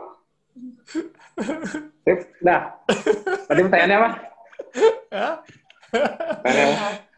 Aku ngerangkum aja tadi yang pertanyaan ke WA Mas Tio itu memang spesifik. Ada satu peserta SFH, dia baru ikut pertama. Siap Nah, itu mulai dari situ boleh, nanti tinggal nambahin ke yang tadi jawaban Mas Sebenarnya, sebenarnya sama, sama, sama aja kan, ini sebenarnya dia yes. juga mewakili semuanya. Yes. Oke, perkenal, perkenalkan nama saya Ilham Syah, saya dapat nomor emas dari saudara saya Bobby. Sebelumnya saya mohon maaf bila mengganggu, enggak, sampai aja oleh saya mengganggu. Saya mau konsultasi untuk beberapa hal berkaitan dengan KF, ya boleh. Usia saya 48 tahun, eh, tiga tahun tiga tahun yang lalu saya sempat serangan jantung beberapa minggu yang lalu saya merasa sedikit nyero. Nyeri. Nyero itu bahasa Jawanya nyeri ya? Nyeri. Bukan, nyeri itu oh, mas. Masalah ketik ya. sedikit nyeri di dada. Saya langsung kontrol ke rumah sakit harapan kita. Dan hasil hmm. pemeriksaan kateterisasi ada penyempitan di pembuluh darah. Sebelah hmm. kanan 75%, sebelah kiri 30%. Oke. Okay dokter menyarankan untuk pasang ring supaya memperlebar pembuluh darahnya biar aliran darahnya nggak terhambat. Oke. Okay. Hmm. Pertanyaan saya, apakah KF bisa buat orang orang orang seperti saya? Kedua, apakah penyempitan di pembuluh darah bisa hilang atau berkurang dengan KF? Berarti pertanyaannya ialah apakah KF bisa buat orang yang memiliki problem penyumbatan darah eh penyumbatan pembuluh darah di jantung. Betul nggak? Hmm, ya. Ya, anggap aja sama lah kayak tadi tanya ke Mas Saroni ya. Hmm, uh, Mbak Emma. Mbak Emma, ya, sama hmm. ya. Nah, apakah penyempitan di pembuluh darah bisa hilang atau berkurang? Sama kayak Mbak Emma ya? Ya. Tadi. Ya, terus tadi Mbak Emma jawabnya apa tadi? Pas aku nyari gambar. Insya Allah bisa ya? Ya, bisa. Ya, ya, eh, saya versi versi mudahnya kan udah dikasih tahu sama Mbak Emma. Mm -hmm. Sekarang cara jelasin anak elektro seperti ini. Perhatikan baik-baik. ini. Langsung temu jeda semua, Mas. oh my God, mulai nih. Ya. Kencangkan sabuknya ya, kencangkan sabuknya. Pegangan, kalau kalau goyang pegangan ini baru ini, ini maklum baru bisa share screen jadi ketagihan. Maklum. Baru kan selama TFA saya baru kali ini aku share screen. Yang lainnya kan Mas Budi. Makanya sekarang jadi ah karena baru bisa jadi itu udah jadi udah. Iya. Penyempitannya kayak gitu bukan? Kalau ya. penyempitannya kayak gitu bukan? Nih nih. Aku mau ngasih tahu nih. Aku mau mau gambar juga. Selama ini orang membayangkan gini loh kolesterol dan lemak. Ini kayak kita kemarin cerita ke waktu di ulang tahunnya itu. Hmm. Mas, Mas Hatono. Kan kan uh, Mas Hermanto nanya. Hmm. karena bayangannya bayangan bayangannya itu kalau kolesterol kita deh. Mungkin banyak warrior yang masih berpikir bahwa kolesterol di darah itu membayangkan kolesterol itu pliket nempel di pembuluh darah itu kayak lengket di permukaan. Jadi ini ini anggapnya darah itu anggapnya pipa nih ini sorry. Nih pembuluh darah itu anggap aja tuh gambarnya itu yang endotelium itu pembuluh darah. Jangan membayangkan kolesterol itu lengket-lengket di pinggirnya. lihat posisi kolesterol di sini deh. Mas tunjukin deh, tunjukin ke ke ke audiens. Ya. Posisinya sumbatan itu kolesterolnya tuh di mana? Tunjukin. Nah, sebentar ya. Digambarin. Nih. Nah, bayangin, itu kira-kira nempel di permukaan apa di balik permukaan? Ayo di chat, yang di chat. Kira-kira anggap aja kolesterol, kan ada, oh di darah kolesterolnya berapa ratus gitu. Terus kalau berapa ratus itu kolesterol di pembuluh darah, aku ya aku yakin bayangannya itu bayangannya itu bikin takut karena kolesterol itu nempelnya wah karena banyak lemaknya nih di darah anggapnya anggap aja uh, lemak di lemak di darah itu sorry anggap aja kolesterol di darah itu bayangannya itu kolesterolnya berenang sendiri kayak kayak air ada lemaknya terus lemak itu nempel-nempel di piring nempel-nempel di pipa-pipa jadi kalau kalau kolesterol dari daging apa-apa gitu kalau dicuci masuk pipa pada kan pipanya mampet kenapa karena kolesterol itu pada nempel-nempel di pinggir pipanya bener nggak selama ini mikirnya kayak gitu Hmm. Udah tak berjelas tuh. Nah, sekarang dijelaskan oleh anak elektro. Biar nggak cuman katanya, ya. Biar nggak cuman katanya. Ya. Nah. puas dia, puas. nah, lihat, lihat deh. Itu prosesnya adalah di bagaimana kok kolesterol bisa ada di bawah di bawah permukaan pembuluh darah sehingga membuat pembuluh darahnya menyempit. Tadi kan Mas itu kan mengalami penyempitan pembuluh darah. Berarti ya. kolesterol itu bagaimana itu bisa ada di balik situ? Nah, sekarang giliran aku yang share screen, Mas. Oke. Okay. Aduh, you cannot start screen lagi, Mas. Ah, udah, ayo. Udah, bisa. Nah, udah, silakan. Bagaimana itu bisa sampai ke situ? mumet-mumet deh. Lainnya aku gak ada gambarnya. Liari. Lihat dibilang baik, bulat-bulat. ini yang terjadi. Lihat prosesnya dari mulai kolesterol ya, ini anggapnya LDL. Bagaimana LDL ini, oh ngecilinnya gimana sekarang, sekarang? Uh, baru pinter sekarang malah bermasalah mulu ya. Nggak apa-apa, nggak apa-apa gede-gede ya. Yeah. Ini LDL kenapa bisa masuk bisa masuk ke balik sini dan bisa diambil oleh makrofag dan menjadi foam cell sehingga foam cell ini menumpuk sebanyak ini hmm, hmm. mengangkat permukaan pembuluh darah sehingga sempit jalurnya ya, ya kan tuh ya ini ini sama ini lebaran mana ya kan benar nggak ya betul lebih sempit kan makanya betul. dikasih ring supaya lebih besar kan tujuannya itu kan ya oke ya kita kita kita kita lihat dari situ dulu. Kok bisa sih LDL LDL-nya itu di, yang teroksidasi ini diambil terus diambil maka kan ngapain itu LDL banyak itu kok mau masuk ke dalam pembuluh darah malah nyempit-nyempitin. Kenapa? Pemicunya apa? Hmm. Ya. Ini penyebabnya. Penyebabnya yang paling utama kenapa LDL masuk ke dalam arteri pembuluh darah ialah status inflamasinya. Yang memicu kalau tubuh kita tinggi inflamasi, ya bayangkan gini, kalau tubuh kita tinggi inflamasi, walaupun itu low grade inflamasi, berisiko membuat pembuluh darah kita itu bermasalah rusak. Nah, karena pembuluh darah kita rusak itu, kolesterol itu fungsinya itu sebetulnya basicnya itu ialah, basicnya kalau secara umumnya, normalnya ialah untuk membuat membran sel. Rata-rata. Tapi juga bisa dibuat sebagai penambal untuk mencegah hmm. kerusakan pembuluh darah. Itu hmm. sebabnya pada saat ada inflamasi yang membuat pembuluh darah kita rentan, LDL ataupun LDL yang teroksidasi itu bisa diuptake untuk menambal yang kalau di sini kan ini gambar ini foam cell nih, ini ini foam cell nih. Ini foam cell. Foam cell itu ialah sebetulnya makrofag. Makrofag itu sel imun. Jadi makrofag itu menguptake kolesterol menjadi foam cell, akhirnya kayak tambalan. Mencegah apa? Kerusakan dinding pembuluh darah. Tapi hmm. akhirnya kalau inflamasi terus terjadi, akhirnya kumpulan foam cell ini membuat kayak gundukan gini, kayak gundukan yang akhirnya mempersempit terjadi penyempitan pembuluh darah. Hmm. Jadi akar masalah sebenarnya untuk mencegah mencegah ini terjadi ialah menurunkan inflamasi. Ya. Ngerti ya? Menurunkan inflamasi. Karena itu akar. Ini kalau awal kalau jelasin kan harus tahu why-nya dulu. Jangan jangan cuman bilang bisa bisa gitu. Aku mau bikin mau bikin uh, ngerti cara fisiologi gimana inflamasinya hmm. harus turun. Nah, sekarang pertanyaan itu nomor satu. Kalau kita udah KF, inflamasi kita turun nggak? Turun. Inflamasi di tubuh kita turun nggak? Turun. Nah, oke. Okay. Satu ya. Terus pertanyaan, pertanyaan nomor dua, mencegah penambahan. Satu, dengan cara meredam inflamasi. Betul. Jadi bukan masalah kolesterolnya, inflamasinya turunin dulu. Bisa nggak orang seperti saya menjalankan KF? Bisa dan aku sarankan segera. Karena kalau sampai hmm. ada penyumbatan, sampai terjadi aterosklerosis, berarti tubuh kamu itu inflamatif. Tubuh hmm. kamu itu meradang, kamu nggak sadar. Jadi ada low grade inflammation. Itu yang membuat pembuluh darahnya rentan untuk terjadi penyumbatan. Inflamasinya turunkan. Cara gimana? KF, kalau aku menjelaskan KF caranya menurunkan anti inflamasi sebagai anti inflamasi panjang ya Mas ya. ya, pokoknya intinya kalau udah KF tubuh kita rasa berbagai macam rasa sakit di tubuh kita berkurang, badan lebih enteng. Kalau nggak percaya, tanya tuh para warriors yang ada di chat. Mereka sebelum dan sesudah KF merasa badannya lebih rendah inflamasi apa enggak?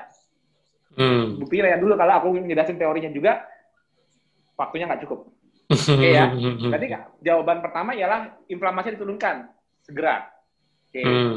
Sekarang pertanyaan kedua, bisa nggak penyumbatan tadi berkurang atau hilang? Betul nggak? Hmm. Itu kan yang kedua. Kalau pertama kan aku menunjukin segera bereskan inflamasimu. Jadi jawabannya insya Allah bisa jadikan KF sebagai ikhtiar untuk mencegah minimal mencegah penambahan jumlah. Ya. Karena inflamasi memicunya. Oke ya? Hmm. Oke. Nah, ini vessel wall, ini anggap aja ini kolesterol tadi nih, ini anggapnya kolesterol yang tadi. Hmm. Ini C itu kolesterol. Hmm. Lihat bagaimana cara mengambil kembali kolesterol dari dari balik pembuluh darah keluar agar ininya bisa tadinya jendol gini bisa menjadi rata lagi. Kan itu yang dipengen kan, bener nggak? Di pertanyaan itu kan itu yang pengen dipengen kan. Berarti kan cara menghilangkan kan harus ada something yang mengangkat kembali kolesterol keluar dari pembuluh darah. Betul nggak pertanyaannya? Hmm. Ya kan? Patofisiologinya kan keberadaan kolesterol foam cell di balik pembuluh darah. Bukan di luar pembuluh darah loh, di balik pembuluh darah. Di balik. Di balik pembuluh darah loh. Kan gimana hmm. cara pembuluh darah bisa keluar? Caranya gimana? Lihat, siapa yang membawa yang menarik kolesterol keluar dari pembuluh darah? Tebak, ini namanya siapa?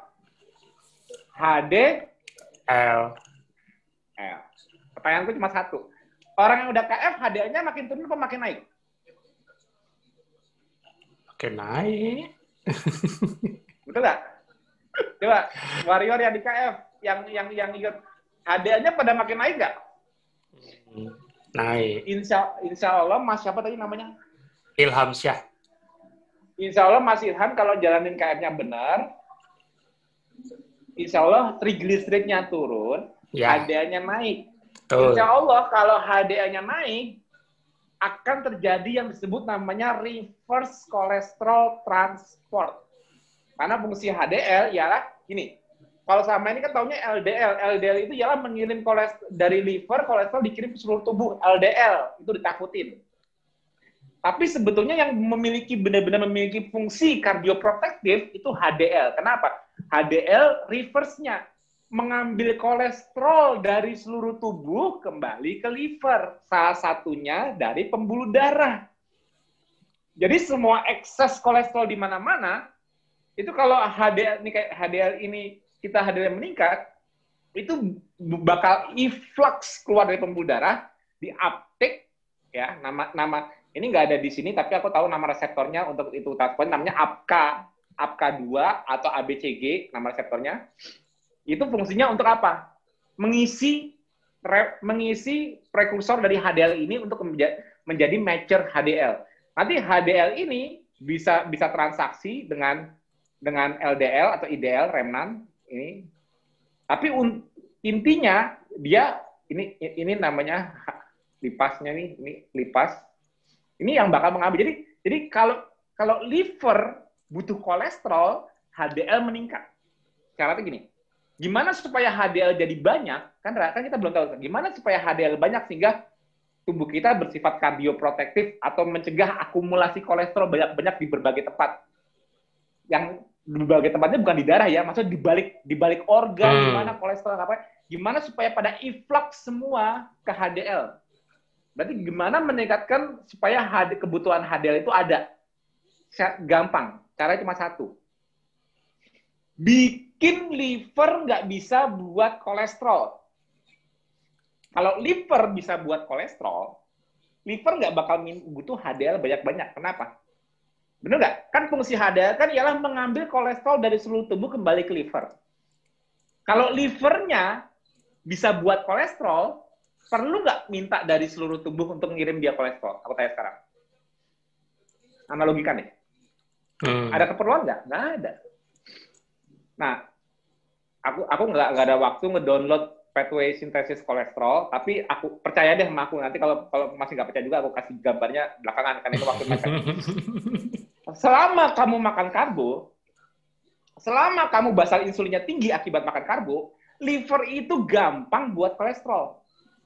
Jadi kalau liver gampang buat kolesterol, liver tuh nggak butuh dikirimin kolesterol banyak-banyak dari dari dari dari organ lainnya nggak yang yang kelebihan. Justru malah gue hmm. bisa buat kolesterol Malah kalau gue kelebihan buat kolesterol, nih si liver ngomong gitu, ya tak masukin ke tempat-tempat lain. Malah hmm. aku mau ngirim nih, malah aku mau ngirim. Nggak perlu dikirimin, anggapnya gitu analoginya. Tapi begitu liver miskin kolesterol, syaratnya liver miskin kolesterol, tapi dia kolesterol itu penting bagi liver. Kenapa? Karena kolesterol itu bahan baku untuk buat, contohnya bile acid, asam, contohnya Orang buat pedu. asam pedu, kan butuh kolesterol. Tapi yeah. liver nggak bisa buat kolesterol. Dia teriak nggak untuk dikirimin kolesterol dari berbagai tempat? Iya, betul. Teriak kan? Nah, kalau hmm. dia teriak, dia bakal memproduksi prekursor HDL untuk scavenging kolesterol di mana-mana yang kira-kira nggak perlu kirimin ke gua. Gua butuh buat bikin bile. Hmm. Begitu dia bikin prekursor HDL yang kecil ini, nih, prekursor HDL yang kecil ini, yang kotak ini, dia bakal nge-scavenge entah itu di sel lemak ataupun insya Allah di pembuluh darah ini yang tadinya ngumpulnya di sini ditarik oleh HDL. Gimana? Kalau yang dijelasin anak elektro lebih make sense nggak? Gak cuma bilang bisa loh. Oh, bisa, tenang aja bisa, gampang gitu. Gimana? Ya nggak tahu, pokoknya bisa. Aku nggak mau kayak gitu. Ini fisiologinya. Dapat nggak? Dapat. nggak? Jadi kuncinya kuncinya meningkatkan HDL, kenapa orang nggak makan karbo kok HDL-nya pada tinggi-tinggi, triglyceride pada rendah, kenapa? Yang terjadi ialah apa? Liver nggak bisa buat kolesterol, kasihan deh. Karena untuk buat kolesterol butuh ekses glukosa dan insulin yang agak lebih tinggi. Karena hmm. makanya setelah KF kolesterol itu mah hal di dalam tubuh kita. Karena hmm. kalau harus mensintesisnya dari scratch, dari dasar, itu butuh insulin yang lebih tinggi, hmm. butuh butuh bahasa insulin lebih tinggi, butuh glukosa juga. Hmm. hmm. Karena untuk mendorong ke jalur mevalonate pathway namanya. Begitu kamu nggak makan karbo, basal insulin kamu turun. Kemampuan liver, susah. Bikin, kemampuan liver bikin kolesterol turun. Hmm. Tapi nggak usah takut sebelum kamu KF, kolesterol kamu tuh ada di mana-mana. Makanya tadinya ngumpet, sekarang dimobilisasikan Keluarkan. di darah. Yes. Yang masih ngumpet di pembuluh darah, insya Allah diangkat. Siapa yang ngambilin mas? HDL. Karena fungsi dia ialah reverse, kebalikan, kolesterol transport. Hmm. Dari seluruh tubuh kembali ke liver LDL dari liver ke seluruh tubuh. Kayak gitu pasti banyak yang lupa deh. Jadi rahasianya untuk membersihkan kalau ada orang, aku saya saya pembuluh darahnya ada penyempitan misalnya kayak gitu. Berarti target yang kamu cek per tiga bulan apa? Cek HDL-nya makin naik apa enggak? Itu targetmu. Karena dengan menaikkan HDL itu sudah usaha ikhtiar untuk apa? Untuk insya Allah HDL itu men-scavenge, membuat influx kolesterol dari dari penyumbatan aterosklerosis keluar untuk dikirim ke liver. Itu ikhtiarnya. Secara scientific, bukan katanya. Make sense nggak? Make sense. Jadi kalau kayak gini, kira-kira aku jawabnya bisa nggak? Bisa nggak? membantu mengurangi pembuluh darah. Insya Allah, aku nggak mau bilang bisa banget. Insya Allah bisa. Makanya tetap harus ada parameternya. Cek per tiga bulan. Cek per tiga bulan untuk HD, kenaikan HDL. Cek juga karena penyebabnya inflamasi, parameter inflamasinya LED, CRP menurun nggak? Hmm. Cek juga gula darahnya. Cek juga penunjuk insulin resistannya yaitu trigliserid. Turun nggak? Hmm. That's how an electro explain. ya. jadi jadi jangan bilang kayak katanya lagi ya. ya. Yuk lanjut. Udah mas. Ada. ya. Jadi teman-teman nggak usah khawatir. Seperti yang pernah Mas Tio bilang, sakit itu sebenarnya bentuk manifestasi inflamasi. Ya, yang membedakan adalah lokasi. Jadi kalau inflamasinya terjadi di imun, nama penyakitnya adalah autoimun. Ya, inflamasinya terjadi di persendian, ya jadinya bisa osteoartritis atau asam urat atau apa pun itu inflamasi. Itu manifestasi inflamasi sakit nama penyakit. Hmm. nama itu membedakan lokasi. Jadi dengan KF saat kita menjalankan pros apa menerapkan terapi anti inflamasi ya itu pasti akan menurun. Menurunnya ndak ndak tanggung tanggung secara bersamaan. Jadi jangan dipikir kita tidak sakit itu tidak punya bibit atau gejala yang suatu saat bisa jadi bom waktu. Semua paralel. Karena saat kita masih mengarbo, ya glukosa itu berdampak ke mana-mana. Ya, tidak hanya di satu arah, tapi menyebar ke mana-mana seiring darah. Di mana bagian kita yang rentan, dan tidak cuma satu, itu bersamaan akan mulai terdegradasi, mengalami degenerasi. Nah, saat kita menjalankan KF, di situlah mulai terjadi perbaikan secara menyeluruh. Tapi tidak berbarengan, satu demi satu. Makanya proses healing krisisnya pun berpindah-pindah. Sesuai dengan tingkat degeneratif masing-masing lokasi jaringan kita. Ya, tetap stay tune ya kan di video-video Mas Tio yang sebelumnya rekaman TFH segala macam ya itu ilmu yang selamanya akan terus dibuka tidak akan ditarik biaya. Bahkan Mas Yo akan mengulang lagi hmm. karena beliau lagi antusias nih belajar kosakata ya. Nggak gini, nggak aku, aku juga meminta respon balik ya. ya. Meminta respon balik. Kira-kira para warrior kalau aku ngomong teknik kan tadi kan sebetulnya gambar-gambar bukan teknikal ya maksudnya kalau kan hmm. teknikal ya hmm. ada gambar pathway apa apa itu dulu kan yang kayak, kayak aku kan selama ini kan kalau jelasin di telenakas kan juga pakai gambar Terus hmm. bawahnya biasanya kan aku pakai tulisan kan, tulisan-tulisan hmm. ketika gitu kan, panjang hmm. gitu. Nah, contohnya deh, kan tadi ada Mbak Ita tuh, Mbak Ita kan juga Mbak Ita Masita kan juga di Telenakes. Hmm. Nah, hmm. itu kalau kalau aku menjelaskan share screen dengan gambar gini terus aku jelasinnya sambil nulis, sambil ngomong gini, itu lebih mudah didengar apa gambar plus tulisan panjang di bawahnya. Enak kan aku ngomong gini. Enak sambil jelasin. Nah, kalau gambar kan ruwet kan gambar buat tapi kan kalau kalau dibantu penjelasan di gambar tulis gini sambil aku cerita gini dikasih alur pelan-pelan gini lebih ngerti itu apa? Cuman gambar dikasih penjelasan aku ketikan banyak gitu. Enakan hmm. enakan mana masuknya gitu loh. Soalnya kan pemahaman teknikal itu kan paling penting. Tapi lebih yeah. mudah dibaca apa sambil secara live kayak gini. Kalau memang secara live kayak gini sebetulnya interaksi interaksi untuk bagi ilmu itu berarti memang kalau ya aku nggak ngerti ya. Hmm mungkin bisa jadi paling efektif ya kita TFA SFH. Betul. Betul. TFA SFH kalau memang memang memang banyak yang bisa lebih ngerti dengan hmm. cara live seperti ini, hmm. ya kita, ya aku justru malah seneng nggak capek-capek ngetik karena kadang-kadang ketika kan kalau ngetik itu kan mungkin kan ngetik begitu tulisan kadang-kadang bisa di share yeah. mana-mana Ya. Karena waktu gue sekarang kan aku lebih banyak ngetik balas japrian. Hmm, nah, hmm. tapi jadi intinya intinya aku pengennya gini, aku pengen tahu ke depannya aku harus gimana nih untuk share ilmu. Hmm. Kalau kalau insya Allah ini bagus, TFA SMA bagus, ya kita lanjut terus. Jadi yes. interaksi kita selain di Facebook di ini, kita harus sering-sering interaksi belajar secara live kayak gini. Jadi Betul.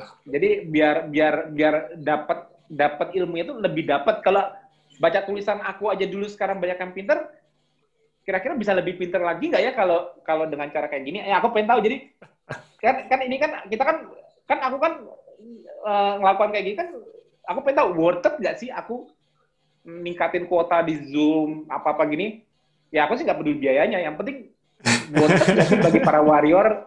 Kalau nggak worth it ya jangan gitu loh. Tapi kalau misalnya worth it kita lanjut terus mas kita bikin kayak program-program apa yeah. misalnya bahas artikel apa, kita gitu. kita sudah kita sudah jauh berkembang mas. Dari mas dulu cuman tulisan ya kan di di Facebook ya kan. Terus kita sekarang sudah berkembang ke audio visual ya kan. Terus kita integrasi dengan presentasi live dan itu sangat-sangat membantu ya. Kalau nah, kalau kalau kalau gitu kalau memang ini katanya banyak yang bilang worth it hmm. berarti TFH kita gedein aja mas. Nggak usah 100 sampai 300 kalau nggak no, kalau nggak setiap, setiap sejauh ini nggak pernah di TFH, sejauh ini nggak pernah di blok sih masih aman nggak ya ya udah ya berarti aku ngomong deh pokoknya TFH kan juga kadang-kadang seru tuh TFH jadi iya. TFH nanti kita bikin unlimited juga. Jadi kita bikin kayak Boleh. SFH gini apa mau 500 masuk aja semua. Jadi oh, hari hari Selasa ada TFH. Jadi orang yang sempat udah pulang kantor belajar malam bisa belajar. Kan gitu. Iya. Kan seru-seru juga tuh. Seru, seru. Ya pada intinya karena itu masalah teknis Mas karena uh, kebanyakan kenapa belum tercapai kuota kita yang 500 karena kan uh, memang kita tidak menerapkan broadcast meeting ID dan password ya kan untuk oh, gitu. menjaga gitu. uh, uh, itu aja. Rata-rata yang yang sudah sudah sekali dua kali bergabung mereka sudah paham dan tetap tidak ada masalah yang yang baru bergabung aja, yang baru tahu terus karena mindsetnya masih meeting ID dan password, jadinya nanya masih kagok-kagok. Tenang, itu selalu akan ada. Sama kayak KF juga ada CLBK harus. ya. Oh, maksudnya kalau, kalau misalnya dengan Zoom ini kita jadi forum interaksi kita lebih bagus, bisa hmm. saya lebih sering tatap muka, lebih ya. kayak ini bercanda-bercanda di bawah ini kan seru. Jadi kayak kita ini sebetulnya kan kayak gini kan kayak kita kopdar rame-rame kan. Betul. Maksudnya kayak betul. seminar rame-rame kopdar walaupun betul. kita nih beda lokasi tapi kita kayak ketemu rame-rame nih. Betul. Uh, gini-gini maksudnya maksudnya juga mudah-mudahan meningkatkan keakraban kekeluargaan di KF gitu kalau sering ada kayak gini gitu. Yes. daripada daripada cuman ngomong di Facebook komentar-komentar nanti salah tanggap. Wah, ini kayaknya kayaknya yang senior gue galak banget nih jawabnya kok gitu ketus banget padahal dia nggak masuk gitu nah makanya aku pikir kalau kita sering zoom sama gini kan akhirnya kan nyubi-nyubi yang nggak ngerti baca protokol atau apa yang dikiranya galak padahal enggak itu kan cuma bahasa jempol tapi mereka salah mengartikan nah iya. makanya kan daripada daripada kayak gitu mendingan langsung ketemu tatap muka gini aja maksudnya lewat yes. zoom atau apa apa yes. jadi kan maksudnya kan lebih lebih apa ya gue nggak galak loh mungkin ada yang lihat citraan. Mungkin kan, mungkin, oh, citraan. Enggak gini loh. Mungkin kan kalau kalau kalau yang pernah japri, aku kan tahu aku kalau japri kan cuma oke okay, langsung to the point gini gini gini. Mungkin uh. pernah pikirnya, oh, Mas Tio sombong banget sih. Aku ngetik nanya pan dari A sampai Z. Mas Tio bukan japri aku cuma tiga baris. Kadang-kadang mungkin mikir gitu karena nggak ngerti japlanku banyak banget ya. Uh. Tapi kalau kalau udah ngeliat aku kayak gini kan, nih kata ini mukanya kayak gini nih orangnya, katronnya, katronnya kayak gini, lucunya kayak gini kan. Oh, ternyata orangnya santai kok, nggak nggak nggak nggak sombong, nggak nggak nggak galak, nggak kejam kan, biasa aja nah gitu loh. Kalau kita sering tatap muka gini kan, kayaknya kekeluarganya lebih terbentuk daripada hanya lewat tulisan. Ngeselinnya, ngeselinnya tuh lebih kelihatan gitu ya, Mas ya. Iya. lebih terpampang nyata. Iya, nah, kalau kalau lewat tulisan-tulisan itu kadang-kadang kita suka suka salah sangka, buruk sangka, ya, salah persepsi apa apa. Itu itu aku aku paling takut terjadi. Makanya uh, uh, aku pengennya membuat forum interaksi antara warrior itu lebih sering yang kayak kelihatan gitu. Jadi mulai tuh Mbak Angela galak ya orangnya. Lihat tuh orangnya kayak gitu, koplaknya kayak gitu. Masa kayak gitu galak gitu loh. Oh, orangnya ternyata asik loh gini-gini gitu loh. Waktu itu kalau tatap muka kan kita Siap. lebih saling mengenal gitu loh. Siap. Nanti kita akan modifikasi ya kalau dirasa diperlukan karena ke depan pasti makin banyak newbie yang ingin tahu dan ingin diskusi lebih banyak ya. Nanti akan kita aku sama Mas Tio akan coba akomodasi ya. ya kita kita pikirkan nanti nih. Kita, ya, ya. kita, kita ngandelin, ngandelin ngandelin Mas Budi nih untuk bikin inovasi-inovasi secara IT yang membuat kita makin dekat entah gimana caranya nanti PR-nya Mas Budi tuh. Tadi dia bikin forum apa olah ini jadi gini pokoknya gini, oh ya aku mau pesan juga. Ini aku aku kuota di Zoom ini sebulan gede loh. Aku pakai hmm. cuman buat TFH sama SFH. Hmm. Jadi kalau warrior warrior ada yang mau pakai misalnya contoh gini, ah Semarang ngumpul-ngumpul di Zoom yuk atau misalnya ah. apa grup-grup regional atau eh belajar NF bareng Mas Budi yuk atau apa. Aku bilang pakai mubazir oh, kuota aku gede banget loh. kalau kalau kuotaku sampai kurang, butuh sampai gede seribu lagi, aku yang ngisiin. Pokoknya asal dipakai buat komunitas, aku siapin. Pokoknya oh. ini jadi di hari-hari nggak aku pakai atau di hari-hari atau jam-jam nggak aku pakai buat TFA atau SFA dan hmm. Mas Budi sempat, hmm. anggap aja channel Zoom-nya ini itu milik bersama semua warrior. Pakai aja. Yes. Oh. Aku dapat jadi kalau kalau ada yang mau ada yang mau untuk mempererat kan sama pandemi ini kan jarang jadi jarang ketemu jarang tatap muka. Betul. ini kan mau tatap muka di secara ini aku saranku pakai aja uh, ini link tinggal kontak sama Mas Budi. Mas Budi ini uh, kayak kemarin Mbak Sari buat di Banten mau pakai jam hmm. segini buat ngumpul. Hmm. ngobrol di Zoom. Daripada daripada nyewa nyewa channel Zoom baru sendiri pakainya punya KF oh enggak oh enggak iya. Oh, bayar ini kok? Siap. Gitu loh. Ya pakai ya. Dimanfaatkan Mas biar biar nggak mubazir gitu loh. Siap Mas sudah sudah lagi launching kok, tenang aja, sudah ada koordinasinya.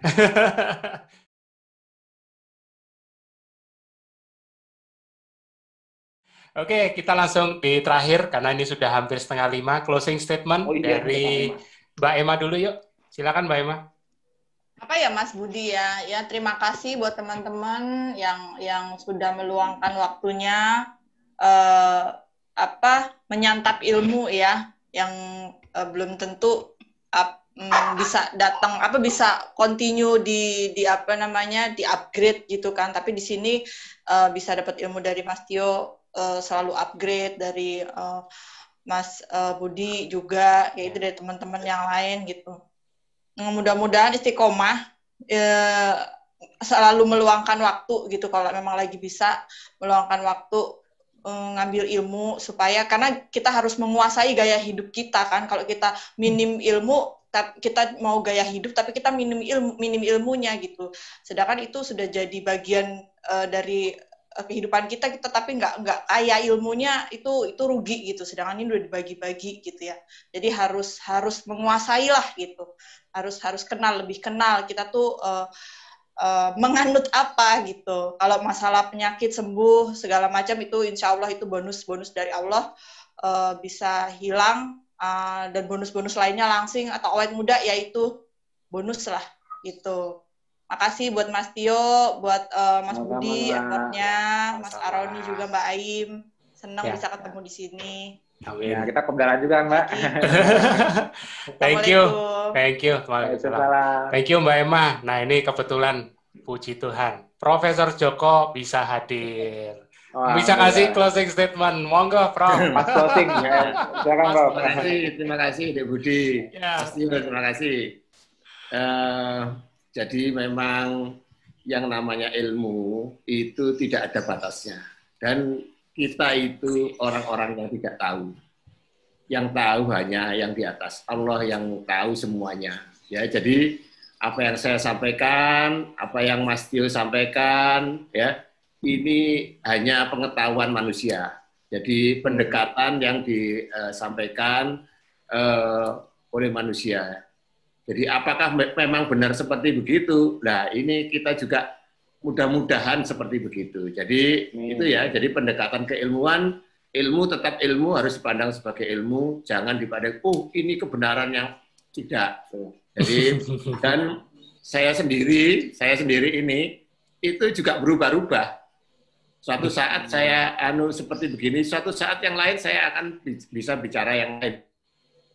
Hmm. Ilmuwan ya seperti begitu, seperti yang sudah saya jelaskan uh, uh, tentang uh, apa namanya uh, kanker itu kemarin dengan uh, adanya uh, pemenang hadiah Nobel kemarin itu ya juga membuka sebetulnya membuka kasanah kita bahwa sebetulnya uh, ada yang harus kita pertahankan yaitu sistem imun itu ya. Yes. Jadi seperti itu mudah-mudahan ini semua bermanfaat bagi kita semua Mas Budi, Mas Dio. Ya. Sama-sama, Bro. Fasilitasinya ini luar biasa. Mudah-mudahan semua mendapatkan ilmunya dan Amin. semua mendapatkan kesehatan uh, di dan bukan kesehatan itu bukan kita yang mana ya. Jadi ini semua adalah kesehatan ini diberikan oleh Allah Subhanahu wa taala. Amin ya rabbal alamin. Terima kasih Budi Terima kasih, Prof. Thank you. Terima kasih banyak Prof sudah mau bantu isi. ya. Silakan Mas Aroni, monggo. Ya, ya uh, saya senang bisa berkenalan sama ketofastosis ini karena uh, ketofastosis ini mengajarkan kita untuk lebih paham terhadap tubuh kita sendiri reaksi tubuh kita sendiri dibanding orang lain. Jadi, kita diajarkan bagaimana memahami reaksi tubuh kita. Kadang-kadang kita sendiri malah ketika ada orang yang menilai tentang tubuh kita, apalagi di awal-awal KF itu kan mungkin kita kelihatan lebih kusut di awal memang. Jadi jadi karena itulah akhirnya ya kami akhirnya bisa melihat ya bahwa ternyata Allah itu maha besar. Yes. Banyak ilmu yang kita sebelumnya nggak tahu jadi tahu. Yeah. Jadi pertama yang kedua eh, tentang makanan ya. Saya juga ingin, ingin sampaikan bahwa ketopazosis ini kan bukan bermain di makanan hal atau makanan haram gitu ya. Hmm. Tapi kita kan mainnya di uh, mana makanan yang baik kita kita punya hak memilih. Yes. Iya, misalnya kan misalnya gula, gula ini kan baik misalnya gitu. Apa baik bagi yang tidak obes apa baik, baik bagi yang tidak diabetes misalnya begitu ya. Hmm. Atau baik uh, kalau misalnya dia kena hipertensi, garam juga nggak boleh biasanya ya dalam medis umum itu. Betul. Tapi pada prinsipnya bukan berarti garam haram gitu, tapi memang tidak baik dalam kondisi itu. Yes. Setuju. KF. Kita di KF fokus kepada low glucose, maka kita tidak baik kalau seandainya kita konsumsi ini. Gitu. Bukan berarti kita betul. tidak meng mengharamkan atau mengharamkan. Iya, betul. betul. Exactly. Jadi bahwa dalam kondisi seperti ini makanan terbaik itu adalah ini. Gitu ya. Hmm. Jadi tidak ada menyalahkan. Jadi ini ilmu ilmu dari Allah yang maha besar kepada kita semua sehingga kita lebih bijak ya melihat bahwa ilmu itu berkembang tidak statis dan di KF ini ya betul-betul happy lah karena dia sebuah komunitas. Itu saja mas. Oke okay. ya, terima kasih mas Arani mas Arani tidak yang terakhir dan juga tidak terakhir juga masih Mbak Aim. Silakan Mbak Aim unmute dulu.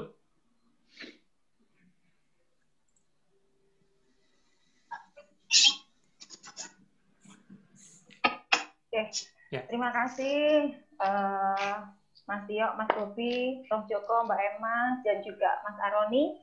Uh, pesan saya, jadi jangan pernah lelah untuk belajar, selalu open mind. Ilmu itu investasi yang tidak ter, uh, yang tidak ternilai harganya. Jadi ilmu itu investasi yang sangat berharga uh, dan carilah motivasi kalau bisa motivasinya dari dalam. Karena kita melakukan sesuatu jika paksaan dari luar bukan dari kesadaran dari dirinya sendiri yang melakukan itu insya Allah tidak akan lama. Tapi cari motivasi yang benar-benar menggali motivasi apa sih saya yang mendasari uh, kita untuk melakukan hal itu. Ibarat kayak telur ya, kalau misalkan kita dipaksa dari luar dipecahkan, otomatis yang di dalam itu akan akan hancur. Tetapi kalau telur itu dia menetas dengan sendirinya, dengan sudah waktunya apa ya, dengan motivasi dari dalam insya Allah akan akan sehat, hmm. akan lebih baik. Di KF ini, komunitas KF ini benar-benar saya sangat apa ya, sangat suatu komunitas yang aneh, aneh tapi aneh tapi positif gitu loh. Di mana itu tadi seduluran guyup, kemudian ada peer group yang saling support, juga ada reward.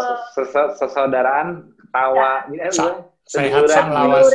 sehat salawasi. Tadi kan ada guyunya itu, guyu itu kan ketawa kan? Iya.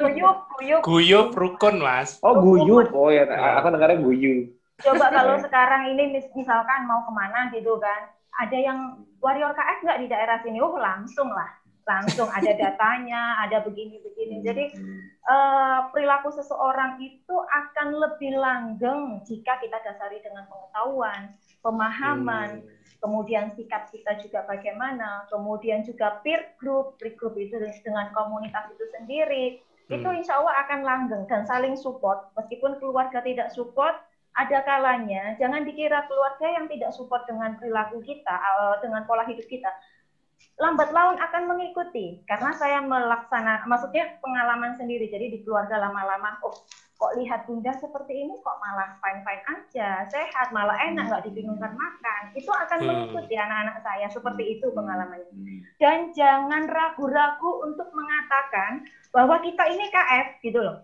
Hmm. karena Biar pada saat ya karena pada saat kita mengatakan berani jangan takut dipulih. Pada saat kita mengatakan saya nggak makan seperti itu, kenapa nggak makan sudah biarin saja kita lihat bagaimana kesehatannya yang sana tampak sakit di anda.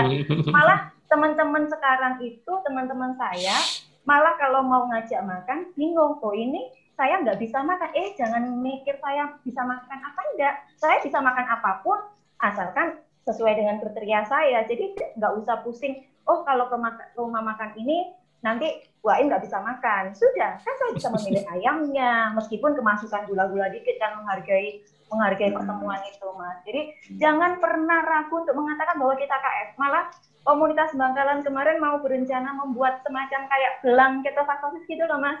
Cuma hmm, belum tersedia karena ada pandemi.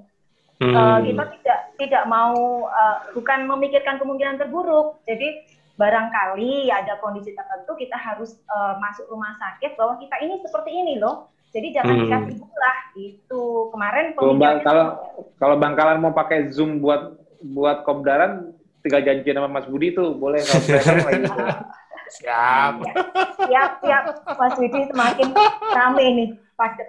Yeah. Ya gitu ya. Terima kasih atas waktunya. Yeah. Buat Warrior juga jangan lupa salam 3S ya. Ya. Lawase. Tak duluan sehat tak lawase. Iya. Thank you. Thank you, Baim. Nah, terakhir Mas Tio, silakan Mas closing statement untuk SFA. Ah, udah sore kalau aku ngomong nggak selesai lagi ntar. Makanya tantangan, tadi kan udah panjang tadi. udah sampai presentasi. Ya, ya intinya gini ya, ininya mudah-mudahan TFA dan SFA ini bermanfaat ya. Kalau memang ya kasih aja nanti kalau aku, aku mungkin uh, nanti kalau yang yang tadi konsul aku bisa jawab semua kasih aja nomor WA aku nanti aku belum buka WA mungkin besok pagi aku start karena ini udah sore malam aku pulang nggak mungkin nggak buka WA lagi. Tapi kalau masih ada yang mau konsul yang kira-kira ada aja siapa apa uh, WA aku aja kayak Mas Senior atau Mas Budi nanti besok aku buka ya untuk yang nyubi-nyubi yang baru mau belajar apa pun itu. Terus kasih kalau mau ngasih inputan, masukan, kritik apa pun seputar SMA TV ini jangan kaku ke Mas Budi, dia hostnya. Jadi hmm. misalnya kurang apa, oh ini ini ini ya, ya input saran-saran apa pun, kritikan untuk ya kayak masukan-masukan kayak gini karena kan kita nggak tahu ya kita aku kita kan berusaha inovasi-inovasi aku sama Mas Budi kan berusaha nyari ide-ide yang gimana supaya memperkuat komunitas kita. Ya. Tapi siapa tahu kan ada ide lebih bagus gitu loh ya yang siapa tahu gitu loh. Jadi kita juga terima masukan. Nah itu mungkin kalau jangan ngomongin jangan ke aku kalau aku orangnya kan tahu sendiri tadi tadi aja aku kocok-kocok gini. Ketahuan banget gak pakai. Ya. Tapi semangatnya makanya, bagus lah, semangatnya oke. Okay. Tapi, makanya kalau inovasinya ke Mas Budi, nanti kalau Mas Budi kira-kira oke, okay, applicable, bisa jalan dan bisa kepake. Ya aku sih mikirnya sekarang kalau kalau kalau mikir pendeknya sih karena aku kuotanya lumayan nih di Zoom, ya. aku pengennya dimanfaatkan untuk kobdar-kobdaran setiap regional atau apa dipakai buat acara-acara kayak pokoknya sering-sering kalau saranku cuma satu. Ya aku nggak ngerti psikologi tapi feelingku kalau para warrior seling tatap muka di zoom hmm. sering ngobrol merame gitu-gitu kayaknya lebih interaksi bakal lebih baik deh antar warrior kalau aku rasa gitu. Dan, dan, dan misalnya itu sama senior tapi mungkin ya mungkin mungkin ada ide uh, kalau kemarin-kemarin itu ada ada grup apa misalnya untuk grup untuk newbie yang mau start bareng kan, kan ada tuh boleh ada grup aja WA, grup WA start bareng grup uh, Telegram start bareng yeah. nah coba deh coba deh sekali-sekali aku ini cuma ide ya Hmm. Coba deh start bareng, tapi juga ada forumnya di Zoom. Hmm. Jadi ada yang bisa direct lihat langsung apa gini-gini. Jadi kayak hmm. Kayaknya tuh start bareng, tapi kalau sambil ada yang satu grup yang start bareng itu seniornya siapa itu juga komunikasi ngomong lewat Zoom rame-rame. Hmm. Ya, itu kayaknya lebih menenangkan yang nyubi-nyubi yang baru dan mengarahkannya dibanding baca baca tulisan senior di grup misalnya ada kalau ada start bareng kayak gitu dengan senior tapi tapi misalnya bisa nanya di grupnya WA-nya atau telenya tapi juga dibikin pertemuan sama misalnya start bareng untuk sebulan bersama-sama tapi uh, seminggu ketemu dua kali bagian para start bareng itu misalnya ini cuma hmm. ideku asal kepikiran aja ya. orang di grup itu kumpul ketemu itu kayaknya lebih lebih menyemangati orang-orang yang pada baru start. Ini untuk yang newbie, untuk yang senior bisa hmm. pakai buat teman-teman. Nah, kalau misalnya itu itu memang bisa digunakan via online kayak gini, manfaatin. Ini ini ini ada hari-hari yang nggak dipakai TFA SFA ini dan Mas Budi saat available bisa digunakan loh. Maksudnya yes. jadikan jadikan ini salah satu tools di komunitas kita. Tools yang bisa dipin, dipakai dipinjam oleh para warriors untuk apa pun idenya, inovasinya untuk memperkuat komunitas kita. Kasih yes. kita kasih Mas Budi masukan. Ya. Oke, thank you Mas Rio. Jadi uh, teman-teman, uh, kita semua sudah sampai di penghujung acara, ya. Thank you.